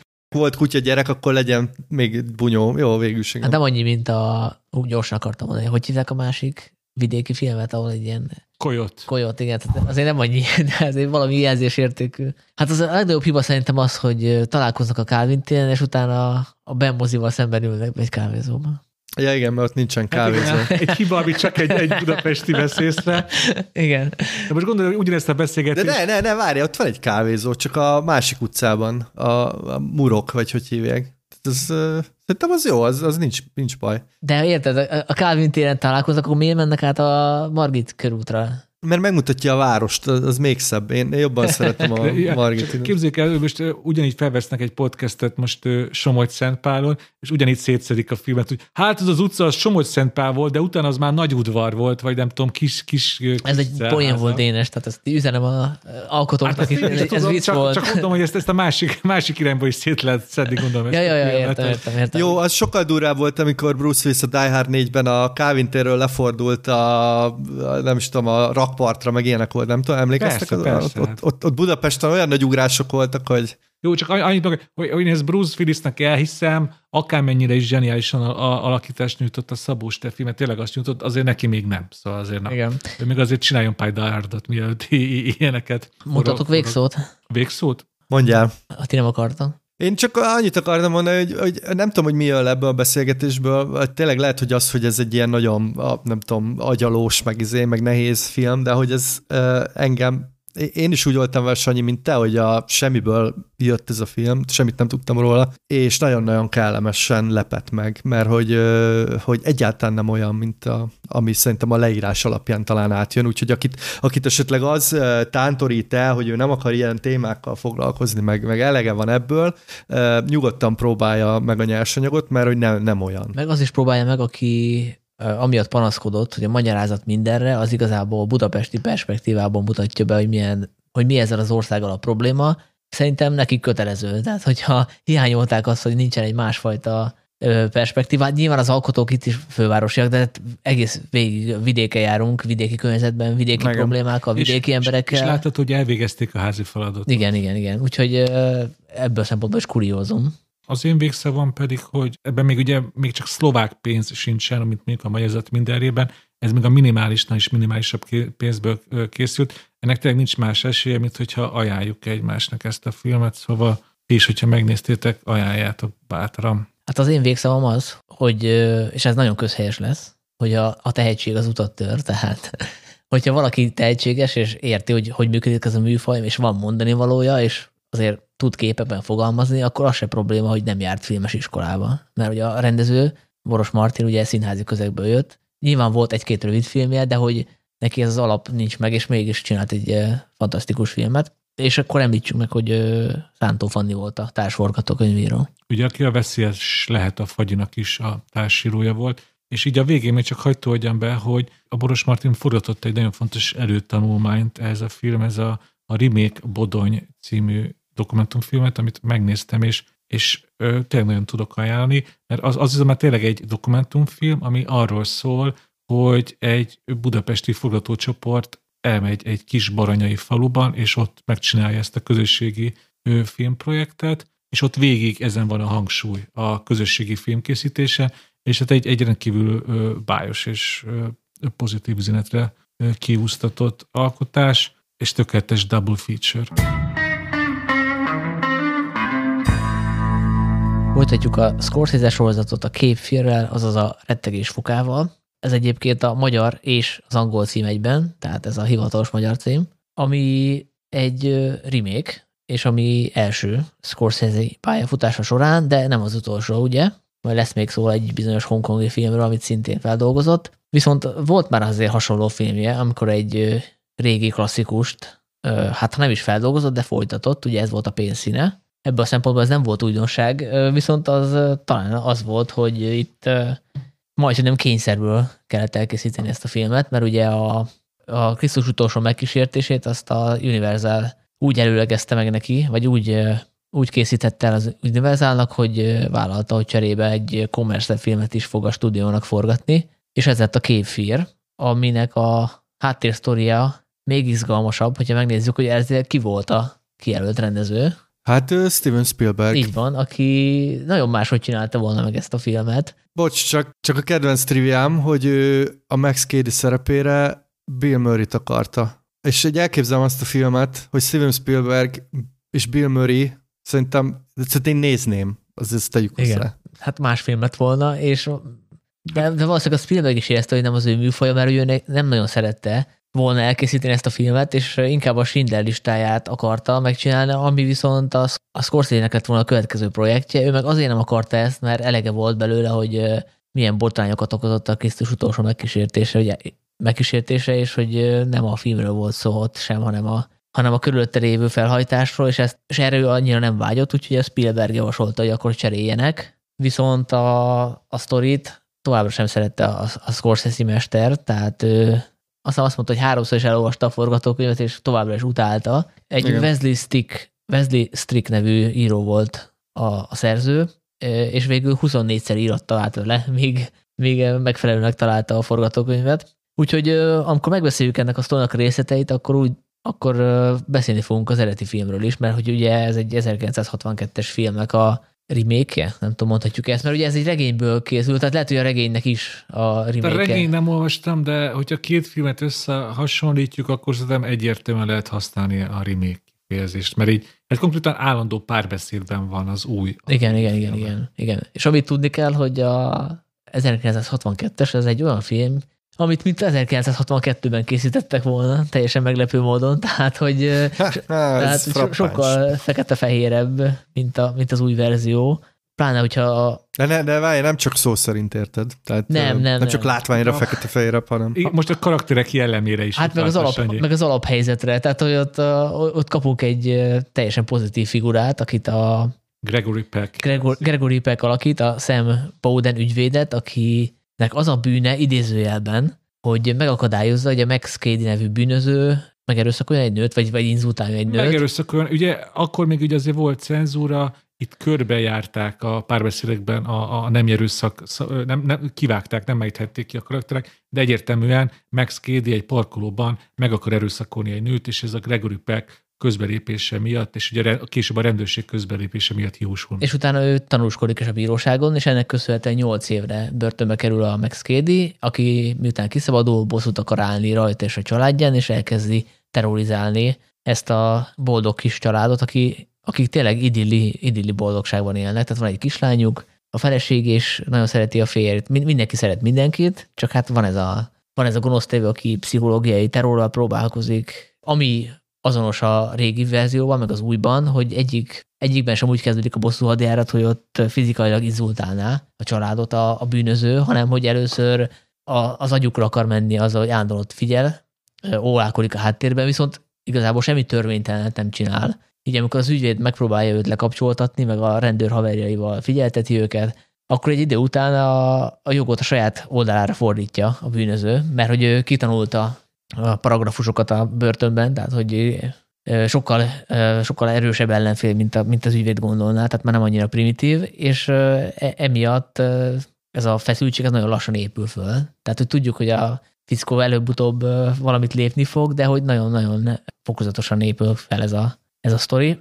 Ez ugye a Scorsese verzióban is megvan, csak hogy ott meg van kavarva ez a történet. Ott egyáltalán nem egy ilyen grállovaga az ügyvéd, mert hogy csalja a feleségét, és eleve azért került a Max Kelly börtönbe, mert hogy a, az ügyvéd védte őt, viszont amikor egy enyhítő körülménynek látszó, nem is tudom. Kut, hát, dokumentum. Ugye itt arról van szó, hogy az áldozatról kiderült, hogy az előélete, ami azt jelenti, hogy ő hát gyakran váltogatta a szexuális partnereit, és ugye főleg akkor ez enyhítő kröminek számíthatott volna egy nem erőszak ügyben, ami ugye teljesen nonsens, és emiatt ugye ezt a ügyvéd ezt nem Ezt elhallgatta, igen, igen, és ezt, ezt érzi az ügyvéd bűnének, és itt és ebben a verzióban egyébként nem 8, hanem 14 évet tölt a rács mögött. És itt éppen már is, meg, ez, amit most mondtál, ezzel már is bejön a filmnek egy ilyen tök jó dilemája, hogy amikor szembe kerül a, a jog és az erkölcs, hogy a ügyvédnek amúgy jogilag kötelessége lett volna ezt az ennyitő krömének számító papírt benyújtani, erkölcsileg meg nyilván nem, mert hogy bűn, bűn, bűnhődjön a nem erőszaktevő, és szerintem ez a, a jog és az, a, a jog határai, hogy meddig számíthatunk a mi jogi intézményeinkre, hogy ott igazságra lehetünk, ez például az új verzióban még, még erősebb és még izgalmasabban van kibontva. Szerintem. Hát konkrétan ugye van egy mellékszereplő, aki el is mondja az ügyvédnek, hogy hát gyakorlatilag megszekted az ügyvédi esküdet mert hogy az ügyvéd feladata, hogy a lehető legjobb védelmet nyújtsa a kliensének, és nem az ő feladata, hogy ítélkezzen, hanem a bíróság feladata, és ebből a szempontból Max Cady-nek a felháborodása itt érthető valamennyire, mert hogy ugye ő egy védelmet kért az ügyvédtől, aki nem látta el tökéletesen a munkáját. Ugye az eredeti verzióban Max Cady-nek semmiféle Nincs jogalapja. Tan- tanúskodtak ellene, hát e- ennyi. Tehát, igen, igen, igen. így, szerintem itt most elért, el is értünk, hogy a Sanyi tartalom ismét, ismétetőjének hála. A, az eredeti film és a remake fő különbségéhez, ugye ezt bár kb. minden, minden tanulmány leírja a film kapcsán, de akkor is egy izgalmas elismételni, hogy amíg az eredetiben, az 1961-es filmben a veszély az kizárólag kívülről érkezik, kívülről fenyegeti, és kívülről próbálja ezt a családi egységet ugye felrobbantani, addig a 91-es verzióban ez a fenyegetettség, ez a feszültség, ez már eleve ott van a családban. Belülről ugyanígy távolítja el a család tagjait, mint kívülről, és hogyha ilyen, ilyen szemszögből nézzük, akkor ezért is izgalmasabb a film, mert ott ugye belülről is, meg kívülről is próbálja elpusztítani a családi egységet egy erő. Hát ott egy tökéletes idea van az eredetiben, itt meg ugye a, az ügyvéd az csalja a feleségét, a feleség boldogtalan, és van egy kamaszlány, aki meg hát küzd a szexualitásával, illetve hát próbálna nővé válni, de hát a gyerekként kezelik a, a szülei, és lázad a szülei ellen, és ezt a lázadást használja ki a Max Cady. Na, itt, itt most hagyj vitatkozzak, hogy szerintem a filmben azért az van, hogy a Nick Nolte karaktere és az a fiatal ügyvény nő, ugye eljárnak squasholni, meg nagyon-nagyon vágyakozva néznek egymásra, de konkrét megcsalás nem történik, csak abba az irányba megy a kapcsolat. Hát akkor olyan... de, de várja, azt elhangzik, hogy régebben Viszont régebben, régebben volt, má, mással megcsalta, csak hogy azzal a nővel konkrétan nem. De ez enyhítő körülmény? Nem enyhítő körülmény, csak hogyha a tartalmat ismertetjük, akkor, akkor ezt gondoltam, hogy így közbevágom. De ráadásul a, a, a kislányuk, vagy hát nem kislány, mert 16 évest játszik azt hiszem a filmben, vagy 15 és 16-os lesz, nem csak a szexualitásával küzd, hanem ő pontosan érzi, hogy a szülei között ilyen elég erős feszültség van, és, na, és nem kezelik, tehát nem mondanak el neki semmit, és egyébként is ilyen nagyon lekezelően bánnak vele. Annak ellenére, hogy a család kívülről, tehát vannak olyan jelentek, amikor ők megjelennek ilyen, nem tudom, ilyen fagyizóba, meg, meg, meg itt ott, hogy ilyen boldog család ki, benyomását keltik, de hogy nem azok, tehát nagyon nem azok. Hát ugye mondtam ezt, hogy ezt a családot eleve ilyen nagyon komoly belső feszültségek vetik szét. Hát az annyira igaz, hogy konkrétan a, a, a Juliet Louis 15 éves karakterét, már belül azok a hormonok annyira tombolnak benne, hogy én azt, azt vártam, hogy néha itt így, így, így darabére esik az a, az a szegény kislány, mert egy, egy ilyen túlmozgásos, ahogy mondtam, a hormonai által vezérelt lány, aki, és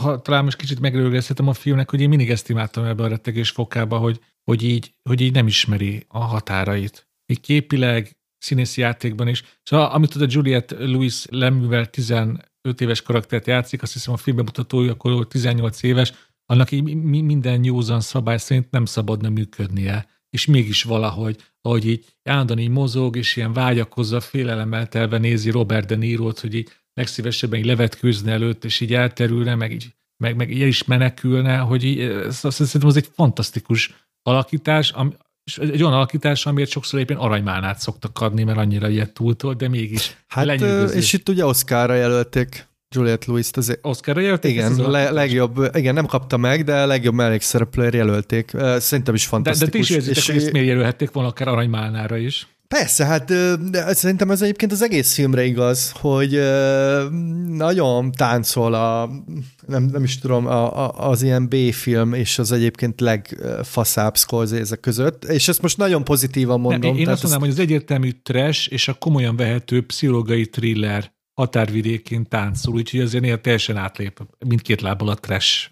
Azért ez túlzás. Ez hát, trash. Ha, Mire gondolsz? Hát, hát én arra gondolok, hogy, hogy vannak benne ilyen vizuális túlkapások például, amikor olyan, olyan direkten hicskokozik, meg, meg, meg, meg ö, olyan direkten használja a különféle effekteket, hogy, hogy nekem volt egy ilyen nagyon jó ilyen 90-es évek izé, erotikus thriller vibe-ja, ami utána, tudjátok, a videó izén terjedtek, de közben meg persze, meg, meg azért túl vannak ezek a karakterek néha tolva, nem csak a Juliette Lewis, szerintem a Robert De Niro karaktere is, de majd erről beszéltünk vele kapcsolatban, hogyha összehasonlítjuk a, a, a két filmet, de hogy nyilván egyébként hogy mondjam, szóval egy ebben tök sok olyan téma van ebben a filmben, ami, ami abszolút illik a Scorsese életműbe, csak egy kicsit meg van csavarva, és, és ez a körítés rá, ez azért, azért elég ilyen, nem is tudom, ilyen közönségbarát. Tehát ilyen, ilyen nagyon látványos, és uh, szerintem ez a két minőség nagyon izgalmasan keveredik ebbe a filmbe. Szóval én ezt most nem ilyen rosszallóan mondtam, hanem nagyon pozitívan mondtam, hogy, hogy ez egy ilyen, van benne egy ilyen kis ponyvás vonal. Kicsit olyan ez a film, mint hogyha neki ez lett volna a Grindhouse projektje, megelőzve a Tarantinoékat. tehát, hogy fontos, meg, fontos. megidézett egy filmtörténeti korszakot, tehát a zene az egy az egyben, Hitchcock, meg a, a korabeli filmek, tehát hogy nagyon durván ráterepszik néhol a filmre, és szerintem ez szándékos, hogy ez Abszolút, ez biztos, hogy szándékos. Ö, és közben a saját ö, stílusát is hozza, tehát ezeket a nagyon, a filmről nagyon leugró kamerakezelési technikákat helyenként, meg, meg, meg olyan snitteket, amik fölhívják magukra a figyelmet. Ugye rögtön a legelején, amikor kijön a Deniro karakter a börtönből, és így bele gyalogol a kamerába. Igen, de én, én olyanra is gondolok, hogy, hogy ez ilyen nagyon ilyen Southern Gothic, hogy látjuk a házat, és olyan vérvörös felhők így úsznak be a távolból, Pontosan, azok a felük annyira túl voltak színezve, hogy, hogy, hogy azok még a Top Gunba is túlzásnak érződtek volna. Melyik, melyik 90-es film jut erről eszetekbe? Mert volt egy másik nagy rendező, aki ugyanennyire túlzott, és ugyanennyire szándékosan. Vagy lehet, hogy 91-es?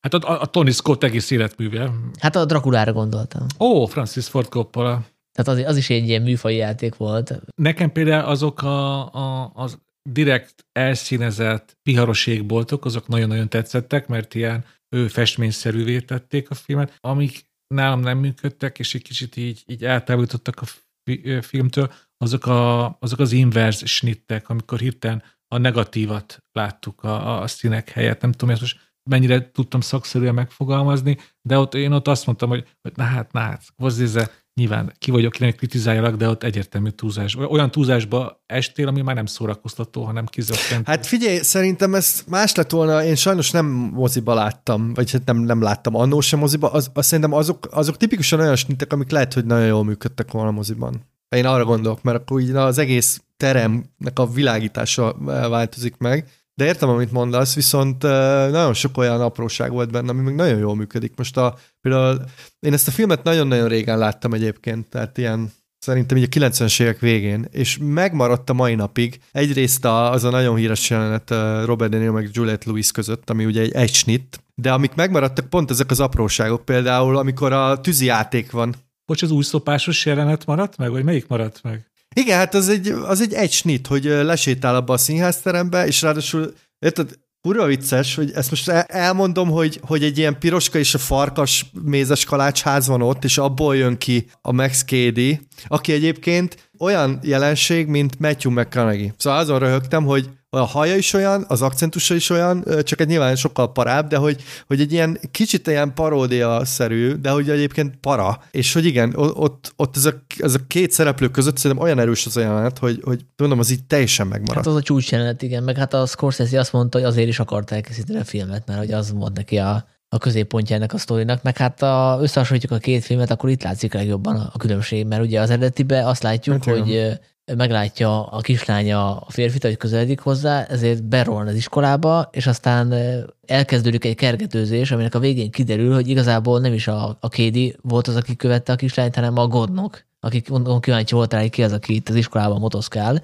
Igen. Tehát egy, egy standard üldözési jelenet, amit gondolom a Spielberg is így csinált volna meg, és biztos izgalmas lett volna, de hát a, a Scorsese máshogy fogta föl, hogy ilyen pszichológiai játszmát akart ezzel bemutatni, ahol az a provokatív, hogy van egy ilyen szexuális feszültség a, a főgonosz meg a, a kiskorú kislány között. Ettől nézzük úgy, hogy lélegzett visszafolytva, hogy úristen, mi fog itt történni, és akkor egy trivia, ugye, az a legfontosabb szerintem, hogy itt improvizáltak a színészek, illetve hát a, a Deniro mondta azt a Scorsese-nek, hogy, hogy ő beledugná a hüvelykújját a Juliette Lewis szájába, és akkor mondta a Scorsese, hogy jó ötlet, de ne szólj neki előre, ami lehet, hogy ma már nem készülhetne így, szegényebbek lennénk egy kultikus jelenettől, viszont a Juliette Lewis nagyon jól reagált erre, és így ment ezzel a jelenettel. És akkor még a forgatáson még mindenképpen fiatalkorú volt a Juliette Lewis, mert azt számoltam, hogy a, hogy a bemutató évében lett 18 éves, szóval... 17. Hát ugye nem mindegy, hogy kiskorú vagy fiatalkorú, tehát a, aki már fiatalkorú, az akár házasodhat is. És annak már beledughatja az ujját, Robert. Igen.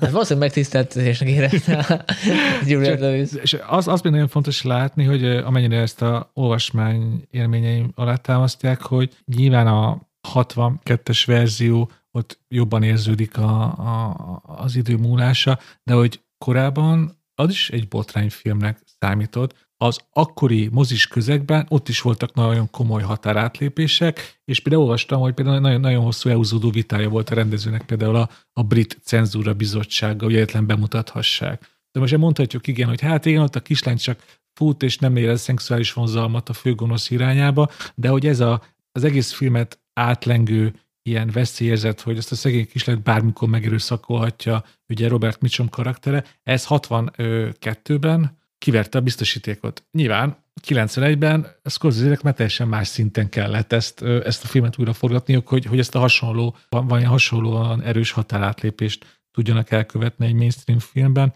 és hát ezért van például ez a, ez a hatalmas stílus orgia, hogy nem csak a karakterek tettei szintjén, hanem stílusban is tényleg nem csak, hogy elmentek a falik, hanem azt így lerombolták, és így, így tovább is léptek. Hogy nekem például így, így nagyon vicces volt, hogy most visszalép arra, hogy mennyire el, vannak túlozva a karakterek, hogy az egyik nyitós, az egy, egyik nyitós nyitben látjuk, hogy, hogy milyen fényképek vannak a Max Cady börtöncelájának a falán. És például ott van Stalin. E, ennél egyértőbben egy főgonosz szerintem így felskizzelni nem lehet, hogy neki Stalin az egyik példaképe. De e- ezek után ugye mit várunk tőle? Ezek után ugye bármit megtehet ez az ember, akinek ugye Sztálin a példakép. Ez a, ez a fantasztikus a, a, a film. Igen, de most csak a, a, ez a B-filmes vonal, szóval hogy úgy látjuk ezt a karaktert, hogy, hogy, hogy Sztálin fotója, stb., és akkor gyúr, és onnan megy ki egyből szabadulni. Tehát, hogy érted, azért belegondolsz, ez nem túl reális, hogy e, tudod, hogy 10 óra háromkor jönnek, érted, mert szabadulsz, és te még gyúrsz kettőt félmeztelenül a, a padon. Tehát érted, hogy mit mondok, hogy így,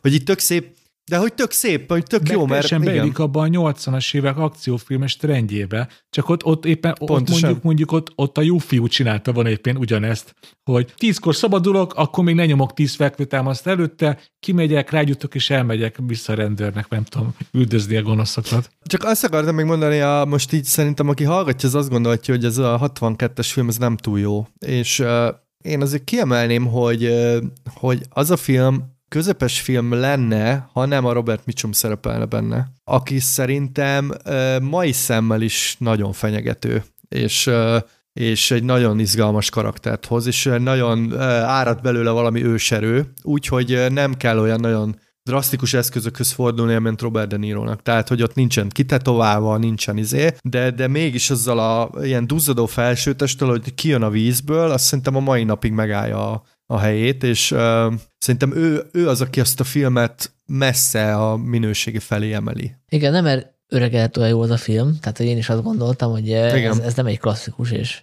nem biztos, hogy újra néznénk, ha most nem lenne a Scorsese-nek a, a verziója. Viszont az utolsó harmad, vagy az utolsó negyed, ami szintén a vízen játszódik, hogy a Scorsese filmje, azt szerintem nagyon jó. Tehát, hogy ott nagyon jó, igen. Az, az nagyon működik az a rész. Igen.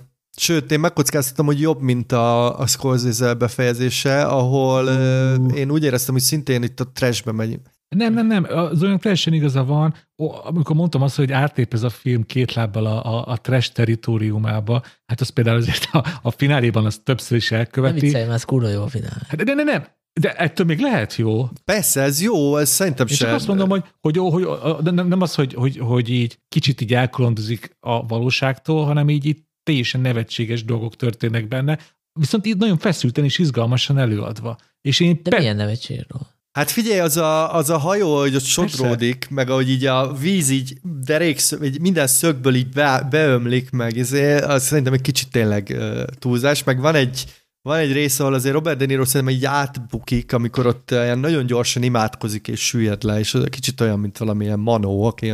De nekem is tetszik, szóval most én ezt nem negatíva, ne, ne érts félre, ja, ezt nem okay. negatíva De mondom, mert az, kurva az jó, csak, mondani, csak hogy, tényleg szerintem hogy, trash. Hogy, tehát ez... hogy az eredeti film szerintem egy komolyabban vehető film, szóval komolyabban vehetően van elmesélve ez a történet, azzal a csillagos megjegyzéssel, hogy ez azért tudni kell azt, hogy még egy 60-as évek elején készült thrillerbe meddig mehetnek el, és hol vannak azok a pontok, amit a cenzúra miatt így nagyon el kellett mismásolni. Hogy az ember ezzel a tudattal nézi a 60, és mindig keverem, a eredeti volt 62-es, és az új az 91 szóval a 62-es ilyen téren én, én, én ezt egy ilyen komolyabb vehető filmnek veszem. Uh, bocs, csak még egy megjegyzés ide a 62-es film, szerintem azt is fontos tudni, hogy 62-ben a, a hidegháború az éppen a csúcsra járatott, tudod, tudjátok, a kubai rakétaválság, stb. az egy picit később, mint a filmnek a bemutatója, de szerintem erre a dilemmára, hogy van ez a boldog család, aki kívülről fenyeget egy ilyen brutális, állatias, nem is tudom mi, ezt szerintem el tudom képzelni, hogy 62-ben amerikaiként, amikor a szovjetektől rettegsz, akkor ez, ez sokkal hatásosabb. Értitek, hogy mit mondok? Hogy, hogy biztos, hogy volt ennek egy ilyen, hogy így jól rezonált a közönséggel, és most az egy másik dolog, hogy, hogy, hogy azért valószínűleg tényleg a nem sűrű láttak kislányokat fenyegetve lenni ilyen izé, kigyúrt, vagy ilyen nagyon izmos emberektől, de hogy értitek, az egésznek van egy olyan, az egésznek van egy olyan hangulata, ez a terror, ami ott azt szerintem az nagyon működik az eredeti filmben, és a mai szemmel is működik, tehát hogy az a, az a kédi, az tényleg fenyegető. Tehát hiába nem mondanak ki dolgokat, meg hiába nem látunk dolgokat, az, hogy ott Robert Mitchumot így zél, az szerintem fenyegető, és az működik. Nekem az egy kedvenc ilyen, ilyen magyarázat, amit olvastam az eredeti filmről, hogy, hogy ez is a, az időponthoz köti meg a helyszínhez, hogy ugye a 60-as évek legelején járunk az amerikai délen. Ugye milyen, milyen folyamat indul el akkor, ugye ezek a polgári jogi arcok, amik teljesen átírják ugye az amerikai dél társadalmi viszonyait. Amikor a film játszódik, az utolsó évek egyike, amikor ez a szegregáció, hogy most még, még, még működött, külön voltak ugye a feketéknek a helyei, meg a fehérek. Az, hogyha visszamészünk az, a 62-es nagyon kevés fehér, nagyon kevés fekete szereplője van. Miért? Mert a fehérek kérik a saját világukat, és el vannak zárva a feketéktől, és hogy ez a veszély, amit mondjuk egy fehér férfi hoz be, de ez igazából az amerikai délnek ez a társadalmi félelme, hogy, hogy, ez a, hogy meg fog változni a alapjaiban a, a délnek a társadalmi szövete, ugye, ami persze egy jó változás, mert a feketék végre megkapják a saját szabadságjogaikat, csak ugye ezt a, a déli fehérek viszont ugye ilyen fenyegetettségnek érik meg, hogy a régi jó világuk az elveszik. Hogy van egy ilyen értelmezése is a filmnek, ami szerintem egy tök izgalmas dolog, hogy, hogy ebben az egészben az, az buzog, hogy az, amit ők megszoktak délnek, a saját vidéküknek, az menthetetlenül megváltozik. Akkor ezt lehet, hogy olvasta Scorsese, mert ugye az újban van egy ilyen rész, amikor igen, konkrétan ezt mondja a, a nyomozó, hogy hogy ezt a félelmet, amit érzel, ezt nem is tudom, azt mondja, hogy savor, szóval így uh, ízlelgesd, vagy, vagy tedd magadévá, mert hogy ez formálta a delet, vagy a, a, a, az amerikai dél mítoszát, szóval ez, ez valószínűleg ez egy tök valid És, és hogyha már ilyen, ilyen, ilyen, nem tudom, ilyen kicsit ilyen elvontabb megfejtés kell az újra, az meg nekem egyértelműen arról szól, hogy amit már említettem, hogy, hogy, hogy mennyire behatároltak az igazságszolgáltatás lehetőségei, és ilyen téren tök érdekes, hogy van egy ilyen provokatív ére a filmnek, hogy valójában a Robert De Niro és a Nick Nolte karakter is ugyanazt csinálja. Mindenketten úgy érzik, hogy az igazságszolgáltatás nem adja meg nekik azt az igazságot, ami, ami, ami nekik jár, ezért kilépnek belőle. Valójában mindkét karakter ugyanazt csinálja, csak mi nézőként ugye a saját erkölcsi érzékünk alapján tudjuk, hogy melyiknek van inkább igaza, és amellé állunk, de jogilag igazából mind a kettő ugyanúgy fekete zónába jár, és jogilag ugyanúgy elítélhető mindkét ember. Igen, azzal kitétele, hogy az első verzióban, a legelsőben, amikor Gregory Peck kilép ebből a szabályrendszerből, akkor igazából még benne marad, mert neki van egy rendőr haverja, a rendőrfőnök, aki küld vele egy, nem is tudom, rendőrt, vagy, vagy kicsodát, egy hivatásos szemét, hogy Igen, segítsen a, megvédeni őt a, a keditől. Tehát, hogy úgy lép ki a rendszerbe, hogy azért benne marad. A, még, még ugye a második verzióban a, a, a Nick Nolte meg tényleg a, a családja kedvéért átszegi ezeket a szabályokat még egyszer. És nagyon fontos, hogy, hogy, hogy a klasszikus Hollywoodban ugye mindig megtörténnek az ilyen thrillerekben a, a határátlépések, ugye kilépnek a, az igazságszolgáltatás jogi keretei közül, de a főhős a legvégén azért mindig visszalép a, a társadalmi rendbe, és úgy tesz, ahogy az a nagykönyvben meg van írva. Ez megtörténik a 62-es filmben, a 91-esben viszont igazából, ha nem tudom mennyire lehet is spoilerezni, akkor most nem spoilerezek, csak így. Nyugodtan az egy 91-es film. A, ugye, a 62-esben ugye jön a döntő pillanat, akkor Gregory Peck ugye megkegyelmez Robert Mitchumnak, és az történik, mint az ilyen legtöbb klasszikus hollywoodi filmben, hogy én most megölhetnélek téged, mert, mert rászolgáltál, de nem, majd elviszünk bíróságra, és majd dönt a, az amerikai jogrendszer. És... Hát de, de, de, de várjál, nem ezt mondja. Azt mondja, hogy ez túl gyors lenne, ha én most megölnélek, hanem fel fogunk gyógyítani, bezárunk egy cellába, és életed végéig minden egyes napot fog szenvedni. Szóval hogy értem, amit mondasz, mert tényleg megkegyelmez neki. azzal, amit én mondok, hogy egy amerikai filmben, egy klasszikus hollywoodi filmben a hős a végén nem, öl, nem végezheti ki a gonoszt. Míg ez a, igaz, ez a, igaz. A Scorsese verzióban ugye vannak ezek a, hát elég, egy, elég direkt analógiák, ugye, hogy a, az emberek arca ugye eltorzulnak, besározódnak, ugye állattá válnak. És ez ott van az új verzióban, hogy ott mindenkiből gyilkos lesz és állat, kicsit leegyszerűsítve. Hát konkrétan csúsznak, másznak a, a sárban. Tehát, hogy miután Kédi elmerül a, a tó vagy a folyóba, ők ott így csúsza mászva ölelkeznek össze, és hát a filmnek a, ugye van egy ilyen keretes szerkezete, hogy Juliette Lewis hozzánk beszél, és hát az derül ki, hogy azért ez nem sült el olyan jól, tehát hogy azt hiszem valami olyasmit mond, hogy bár nem beszélünk róla, de megváltoztunk. Hát én ezért tartom hihetőbbnek ezt a filmet Dénes veled, veled ellentétben, mert ugye 62-esre mondtad azt, én meg azt gondolom, hogy ez egy hitelesebb családkép, meg ez egy hitelesebb családi dinamika, mint amit a 62-esben láttuk, hogy egy, egy, egy teljesen irreális ja. idill. Ha így most szóban elmondanánk a 91-esnek a történetét, akkor az úgy tényleg hitelesebb történet, realisztikusabb, de a Scorsese stílussal, azokkal a túlkapásokkal filmként viszont már szerintem kevésbé hiteles, vagy komolyan vehető. És amúgy de a, a kedvenc fricskám az, ami az újból indul, és ugye a régihez nyúl vissza, ugye azt tudni kell, hogy ugye Gregory Peck, ő tényleg az egy ilyen, a makulátlan amerikai hőstípusnak az egyik ilyen legfontosabb példája volt. Ugye szerintem pont ugyanebben az évben jött ki a Ne bántsátok a Fekete Rigó című tárgyaló, tárgyaló termi dráma. Hát még nagyon sok ilyen szerepe volt Gregory Pecknek. Ő volt a megtestesült, jogszerű, igazságos Amerika. Ehhez képest mit csinált Martin Scorsese? Egy ilyen másfél perces komeóba ezt az egész Gregory Peck mítoszt így zárójelbe tesz, és egy ilyen simlés, ö, nyerészkedő, manipulatív ügyvédet csinált belőle, ez nekem nagyon-nagyon tetszett. Hát meg a Robert Mitchum is szerepel benne. És visszajön aki meg egy rendőr, aki hát így azért visszapróbálja tántorítani a... Egyébként a Scorsese, egyébként a Scorsese is próbált egy ilyen kontrasztot teremteni, ezért akarta első körben Robert Redfordot szem szerepére, de aztán rájött, hogy nem akar ennyire szimbolikus ellentpontot a Deniro karakterének, és így lett Nick Nolte, aki ugye szerepelt az előző filmében, a New Yorki történetekben, de hogy ő nem gondolt rá, mert hogy ott egy ilyen elhízott szakállas figura volt, egy ilyen művész alkat, és akkor egyszer a, egy film, sőt nem is egy film, hanem a nagymenők díszben mutatóján látta őt, öltönyben, szemüvegben, és akkor rájött, hogy hát ő a, ő a szem karakter, és így szerintem jó választás volt.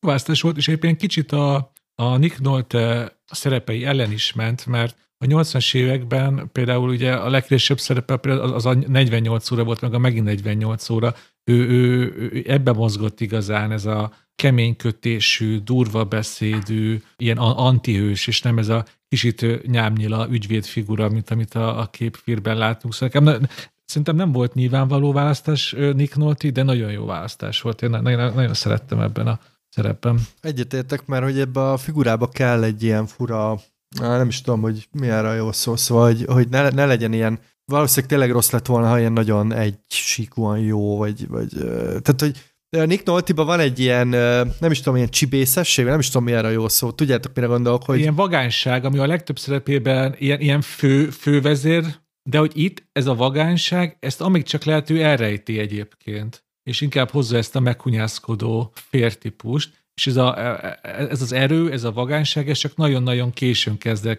kijönni belőle. Nekem nagyon tetszik ez az ív, hogy, hogy elhiszed ennek a férnek, hogy tényleg az a típus, aki de csak a, a legviső esetben veszi fel a pisztolyt, és kezd el önbíráskodni, hogy ő, addig ő, ő minden más lehetőséget ő kimerít, és minden más utat bejár előtte. Egyébként a Scorsese is tisztában volt vele, hogy nem feltétlenül az ő műfaja, hogy csináljon egy hagyományos műfaji filmet, egy klasszikus thriller, tehát hogy ő se volt teljesen elégedett ezzel a filmmel, viszont próbálta is magát beletenni, tehát hogy ő nem is akart egy klasszikus thriller csinálni, tehát hogy ő egy Scorsese thrillert akart, amiben benne vannak a kedvenc témái, és szerintem itt eléggé jó bele tudta ezeket illeszteni, ugye a bűntudat főleg, meg az, hogy ez a családi dinamika hogy néz ki, és az ő értelmezésébe a megszed igazából a, a szemnek ez a, ez a morális hibája hozta létre, és ugye azért, tud, azért tudta őket megkísérteni, mint családot, mert hogy mert hogy ők,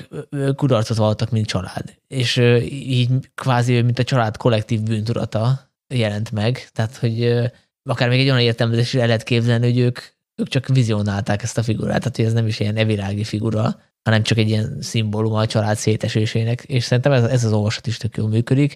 Illetve itt is bejön egy pici ilyen keresztényi szimbolika, Ugye a, a végső jelenetben, amikor ugye látjuk, hogy vé, vé... Igen, de hatalmas kereszt van a hátán. Hát tehát... egyrészt igen, ki van tetoválva, nagyon durván a Max. Hát meg, meg a végén ugye az utolsó... hoz idézeteket, meg az Ószövetségből is. Igen, de mondjuk, a, de mondjuk annál finomabb is van, amikor ugye a utolsó jelentben, utol, egyik utolsó jelentben Nick Nolte-nak tiszta véres a keze, és ugye azt le kell mosnia, és ezzel megváltani a saját magát, a saját bűneit, hogy utána meg tudja menteni a családját és elnyeri a megbocsátást. Hát a, bocsánat, a, a, számomra az nem a megváltást jelképeztem, inkább ezt a Poncius Pilátusi mosom kezeim, hogy vagy így eltávolítani magamtól a bűnt, de valójában hogy én lemosom a vért. De szerintem az arról szólt, ő hozta ezt a bűnözőt a családjára, tehát miattuk kell bűnhődnie, és hogy ezzel ő most jóvá teszi ezt a bűnét, hogy elintéző, hogy ne, hogy ne térhessen vissza a Kédi. Ez tökéletes. Én ezt, mind, én ezt úgy értelmeztem, hogy konkrétan arra a bűnre vonatkozik, hogy ő most megölte egy másik embert, most tegyük félre, hogy jogos, mert hogy meg volt rá a, elég nyomosoga, és aztán ezt a bűnt aztán hiába mossa el a kezéről, ő ettől még gyilkos marad. A, mondjuk a keresztényi erkölcs szerint ugye ő ott az, hogy megölte Max Kérit, bűnt követett el, amellett is, hogy azért mondom, elég könnyű felmenteni a, a, ez alól, de hogy és aztán hiába mossa a kezeit, ettől nem fog szabadulni soha. És ugye erről szól a Juliette Lewis monológia is a legvégén, hogy ez már örökké, ez a trauma, ez a bűn, hívjuk bárminek, ez már örökké ott, ott fog lebegni. Hát jó, a jobb traumával élni, mint nem élni, mert Jó, persze, hullának persze. lenni. Persze. De szerintem eh, számomra ez a film inkább a hűtlenségről szól, és nyilván ez, eh, ez tökéletesen illik a Scorsese életműbe. Tehát, hogy itt a Nick Nolte karaktere egyrészt hűtlen lesz a saját uh, hivatásához, abban a tekintetben, hogy ugye tesz egy esküt, és azt nem tartja be, és a házassági esküt sem tartja be, tehát uh, ugye megcsalja a feleségét, és emiatt, eh, ahogy mondtátok, ilyen repedezések keletkeznek, és tényleg így húzza magára ezt a figurát, aki egyébként szintén érdekes Scorsese életműből, mert ő gyakorlatilag lehetne akár a, a, a Travis Bickle is. Tehát, hogy értitek, hogy, hogy ő is egy ilyen Krisztus magányos harcos a Hát, figura. Travis Bickle-t börtönbe zárják, és ő megjegyzi magának az ügyvédjét, hogy nem volt fel igazságos, simán elképzelem, hogy ez ő. Na én is erre, erre gondolok, hogy nyilván most a Max Cady-nek nehéz megtalálni az igazát, mert hogy megerőszakolt valakit, vagy nőket vert, ez ugye kiderül, de hogy, de hogy ugyanez a fanatizmus van benne, ami, ami Scorsese karakter, sok karakterénél visszajön. Hogy ez a, tudjátok, ez a nagyon célirányosan és nagyon egy, egy dologra ráállunk, és akkor azt csináljuk, és akkor ehhez hozunk ilyen saját erkölcsöt, meg saját mitológiát teremtünk, hogy ez a Max Cady állandóan idéz, tehát nem csak a Bibliából idéz, de, de Nietzsét idéz meg. Hát ilyen rögeszmés önigazolás, hogy mindenek megtalálja a morális alapját. Ez szerintem illik, a, illik abszolút a scorsese ilyen figurákhoz, csak nyilván ez egy ilyen nagyon sötét oldala, és hogy tényleg ez húzza be ebbe a családba, hogy Nick Nolte bűnt követel, tehát ez egy nagyon keresztényi gondolat, vagy egy katol, inkább katolikus, azt mondom, tehát inkább katolikus gondolat ez a, ez a bűn, úgyhogy szerintem ez tökre egyetértek veletek, hogy nagyon izgalmas, hogy ezt egy ilyen projektbe, amit tényleg készen kapott, és egy, és egy filmből, tehát egy létező filmből, hogy ezeket Scorsese bele tudta úgy tenni, hogy, hogy tökre lehet róla gondolkodni, és hát akkor nem véletlen, hogy 24-szer íratta át a forgatókönyvet. Hát, tehát, hát hogy... meg, hogy ezt a filmet készítette el a nagymenők után, mert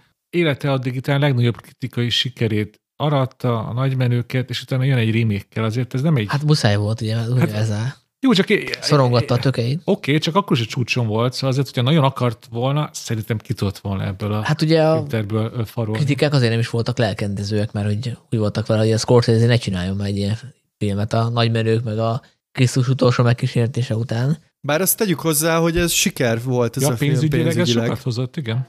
Igen, hozott sokat, de mondjuk, tehát hogy annyit azért nem. Tehát uh, mindjárt mondom a pontos számokat. 34 milliós büdzsére 79, 79 milliót hozott, de nem tudjuk, hogy abban 37-ben benne volt a marketing Jó, költség. e- ezzel szerintem a stúdió elégedett volt. Az, Hát igen, az ahhoz igen. képest, amit a Krisztus hozott. Van, Igen, pontosan. igen, igen. Hát, hogyha nincs más, akkor én mondok triviákat, de Hajrá, Sanyi, majd, majd osz, osz, Én osz. még el akartam mondani, el akartam mondani, bocsánat, kedvenc jelenetemet, ha már az előbb is elmondtam a, a a nyersanyagnál. piroska és a farkasos. A, az, de, de van egy rész, ami nekem nagyon tetszett, tehát az, hogy be, há, behúzalozták a házat, és azt egy ilyen macira kötötték rá, és a, a magándetektív egy pisztolyjal ül, és nézi a macit. És nekem az nagyon, szerintem ez annyira jó pofa, hogy, hogy nem egy izét tettek oda, nem egy, nem tudom, egy vázát, vagy nem egy bármit, hanem egy plüsmackót, és nekem itt van ez, hogy ez egy félig trash film, és nagyon jól áll neki. És aztán, és aztán ugye, hogy, és akkor hogy folytatódik, ugye, hogy követi le a gyilkosságot Robert De Niro karaktere, beöltözik ö, Na igen, házvezetőnőnek. Az azért, azért, na, azért le- legyünk már őszinték ezzel a Jó, az szerintem a, minden- az egy kicsit a direkt pszichó azért. az egy Hitchcock omás volt, gondolom. Hát persze, csak hogy ott a lényeg, nem az volt, ott, ott se az volt a lényeg, hogy komolyan vehető legyen a film, hanem hogy minél bizarabb legyen, és még kicsit a mesternek is ugye oda incsen Scorsese. Igen.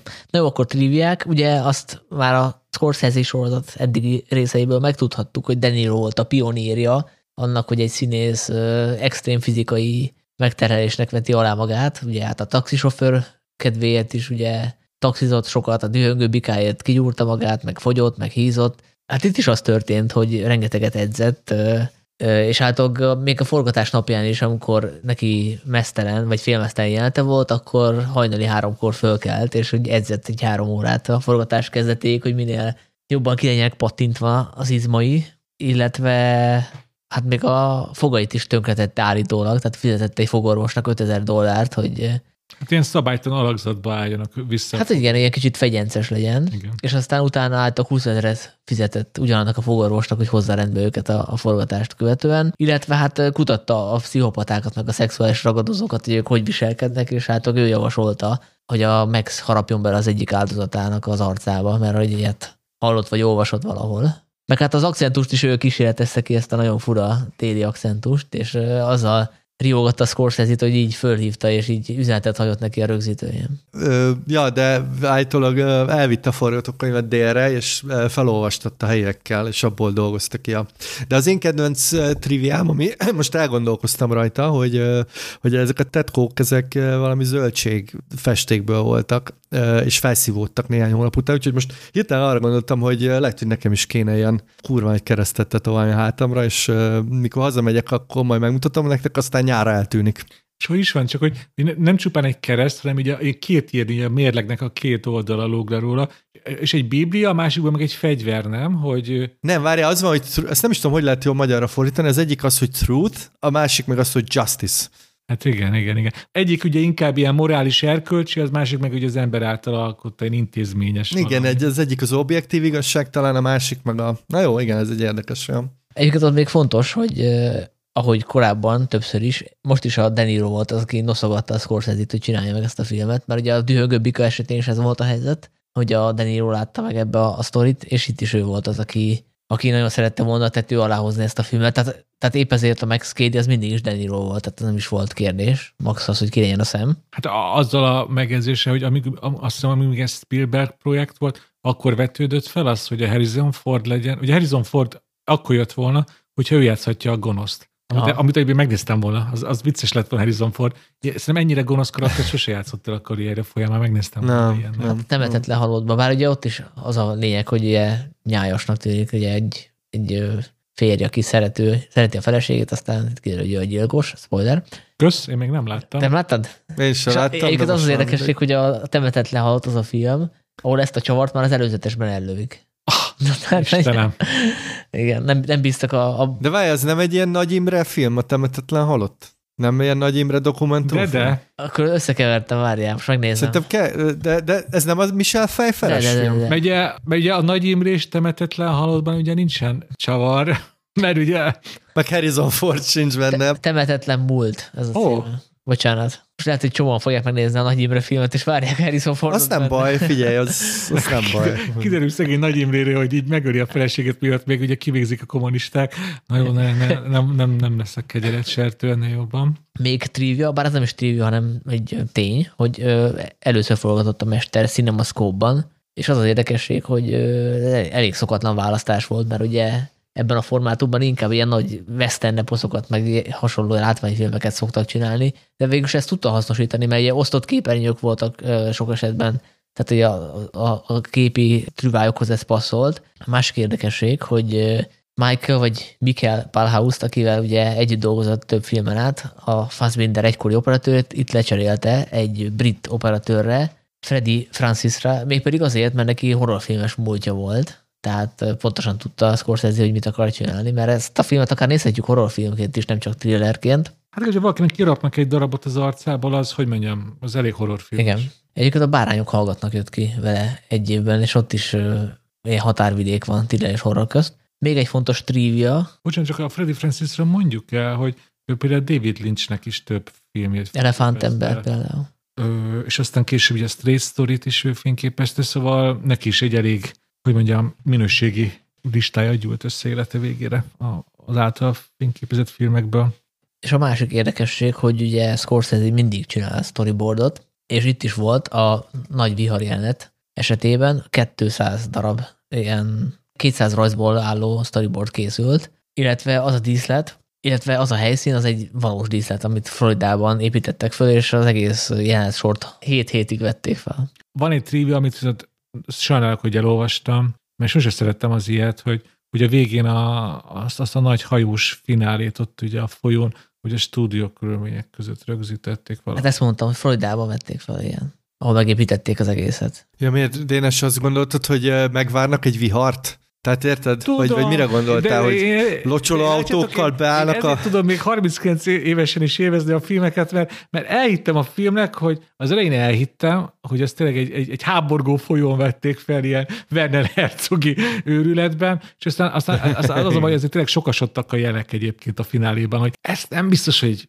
valahol ott, nem tudom, Dél-Koreában vagy Floridában egy, egy valós folyón vették Igen. fel, és utána olvastam, és valóban a mester csalt, mint hát Igen. az összes filmben a rendezők csalnak. De hát az egész olyan szimpadias volt. Az De, egész igen. jelenet, ugye nekem ez belefér. Kezdve a kedvencemmel, amikor a Danny Ro elkezd halandzsázni a végén, szerintem fantasztikus. Amikor süllyed, és közben Igen. énekel, igen. De Az, az, egy ilyen matróz hogy ilyen süllyedek a hajóval, és utána eldalolom valamelyik kedvenc cimborámnak a dalát. Igen. Hát ott szerintem imádkozik csak ilyen gyorsan, de úgy hangzik, mint valami ilyen kobold. Ilyen... Ja, ja, igen, igen, az meg a másik, igen. Na jó, szerintem zárjuk le, de előtte Dénes még szeretne kérdezni tőlünk valamit, ugye? Igen, szóval azért, ugye már láttunk többször olyat, most sajnos nem fog tudni konkrét példát mondani, de hát, ha ti tudtok, amikor egy filmből nem egy remake, hanem több is készül. Akkor az első kérdésem, hogy erre mondjatok példát, mert én nem tudok. Amíg ezen gondolkoztak, addig elmondom a fő kérdésemet, hogy tegyük fel, hogy 2024-ben csinálnak egy új rettegés fokát, akkor is, ismerve a mostani, a mostanában divatos témákat, vagy a mostan, ahogy mostanában szeretnek pszichológiai thrillereket csinálni, szerintetek a mostani rettegés fokában mit, mit módosítanának a felálláson? Egy leszbikus család lenne. Hát meg lehet, hogy uh, Max KD trans nemű lenne. Nem, hát a gonosz hogy lenne már transznemű? Hát uh, miért nem? Pont az lenne az igazi emancipáció, ha már nem csak pozitív szereplőket játszhatnak, hanem érted? Tehát, hogy tovább kell lépni. Amúgy én is erre jutottam, hogy az biztos, hogy a Bowden karaktere az nő lenne, és hogyha igazán nagyot húzna a film, akkor a, a Max Cady-ből is mondjuk nőt csinálnának, vagy akár transzneműt. Azt mondom, egy tök nagy húzás lenne. És, Aha. hogy, és ez egész, egész ilyen ő, nemi viszonyokat itt teljesen fölből. És azért akar a bosszút állni a Cady, vagy a Maxine Cady, mert hogy a rossz pronounját használta az ügyvéd. Hát nem, ennyi nyilván komolyabb Hát az háttérsztorik talán kell. nem, de, de mondjuk olyan lehetne, hogy visszaélt a hatalmával, és úgy követette el szexuális zaklatást. Na de a jó hírem, Dénes, Mi, mi, mi? hogy ezt nem sokára megtudjuk, ugyanis készül a képfilm újabb remake Nem mondod? Ö, Steven Spielberg és Scorsese a producerek, és ez egy tévésorozat lesz. Azt a... Én ezt, én Úgyhogy ezt nem ez egy kicsit nekem lehűtötte a kedélyeket, hogy tévésorozat lesz, de Ú, akkor ez azt jelenti, hogy most sokkal több időt fogunk például a tárgyalótermekbe Hát itt tölteni. a, annyit lehet eddig tudni, ha minden igaz, hogy itt egy olyan házas pár áll majd a börtönből szabadult bűnöző célkeresztjében, akik mindketten ügyvédek. Ó. Ami nem hangzik olyan izgalmasan. Hát akkor, akkor inkább a mi verziónkat forgassák le, nem, amit most így össze-összeraktunk hirtelen. Ja, és a kérdésedre a válasz, uh, hét szamuráj. Igen, abból ugye már két, két, hét, ugye két hét mesterlövész is készült, már erre gondolsz. Igen, igen. De, de biztos van egy csomó ilyen, tehát szerintem ez olyan. Egyébként nem tartom hülyeségnek, hogy készül még egy remake, mert ez pont az a sztori, amit föl lehet dolgozni minden korszakban, meg, meg lehet a korszellemhez igazítani. Pontosan. hajrá! Meg amit pedzegettünk, hogy ugye az igazságszolgáltatással ott mindig vannak problémák, és mindig kicsit más elhajlások, problémák vannak, ezeket tök bele lehet építeni.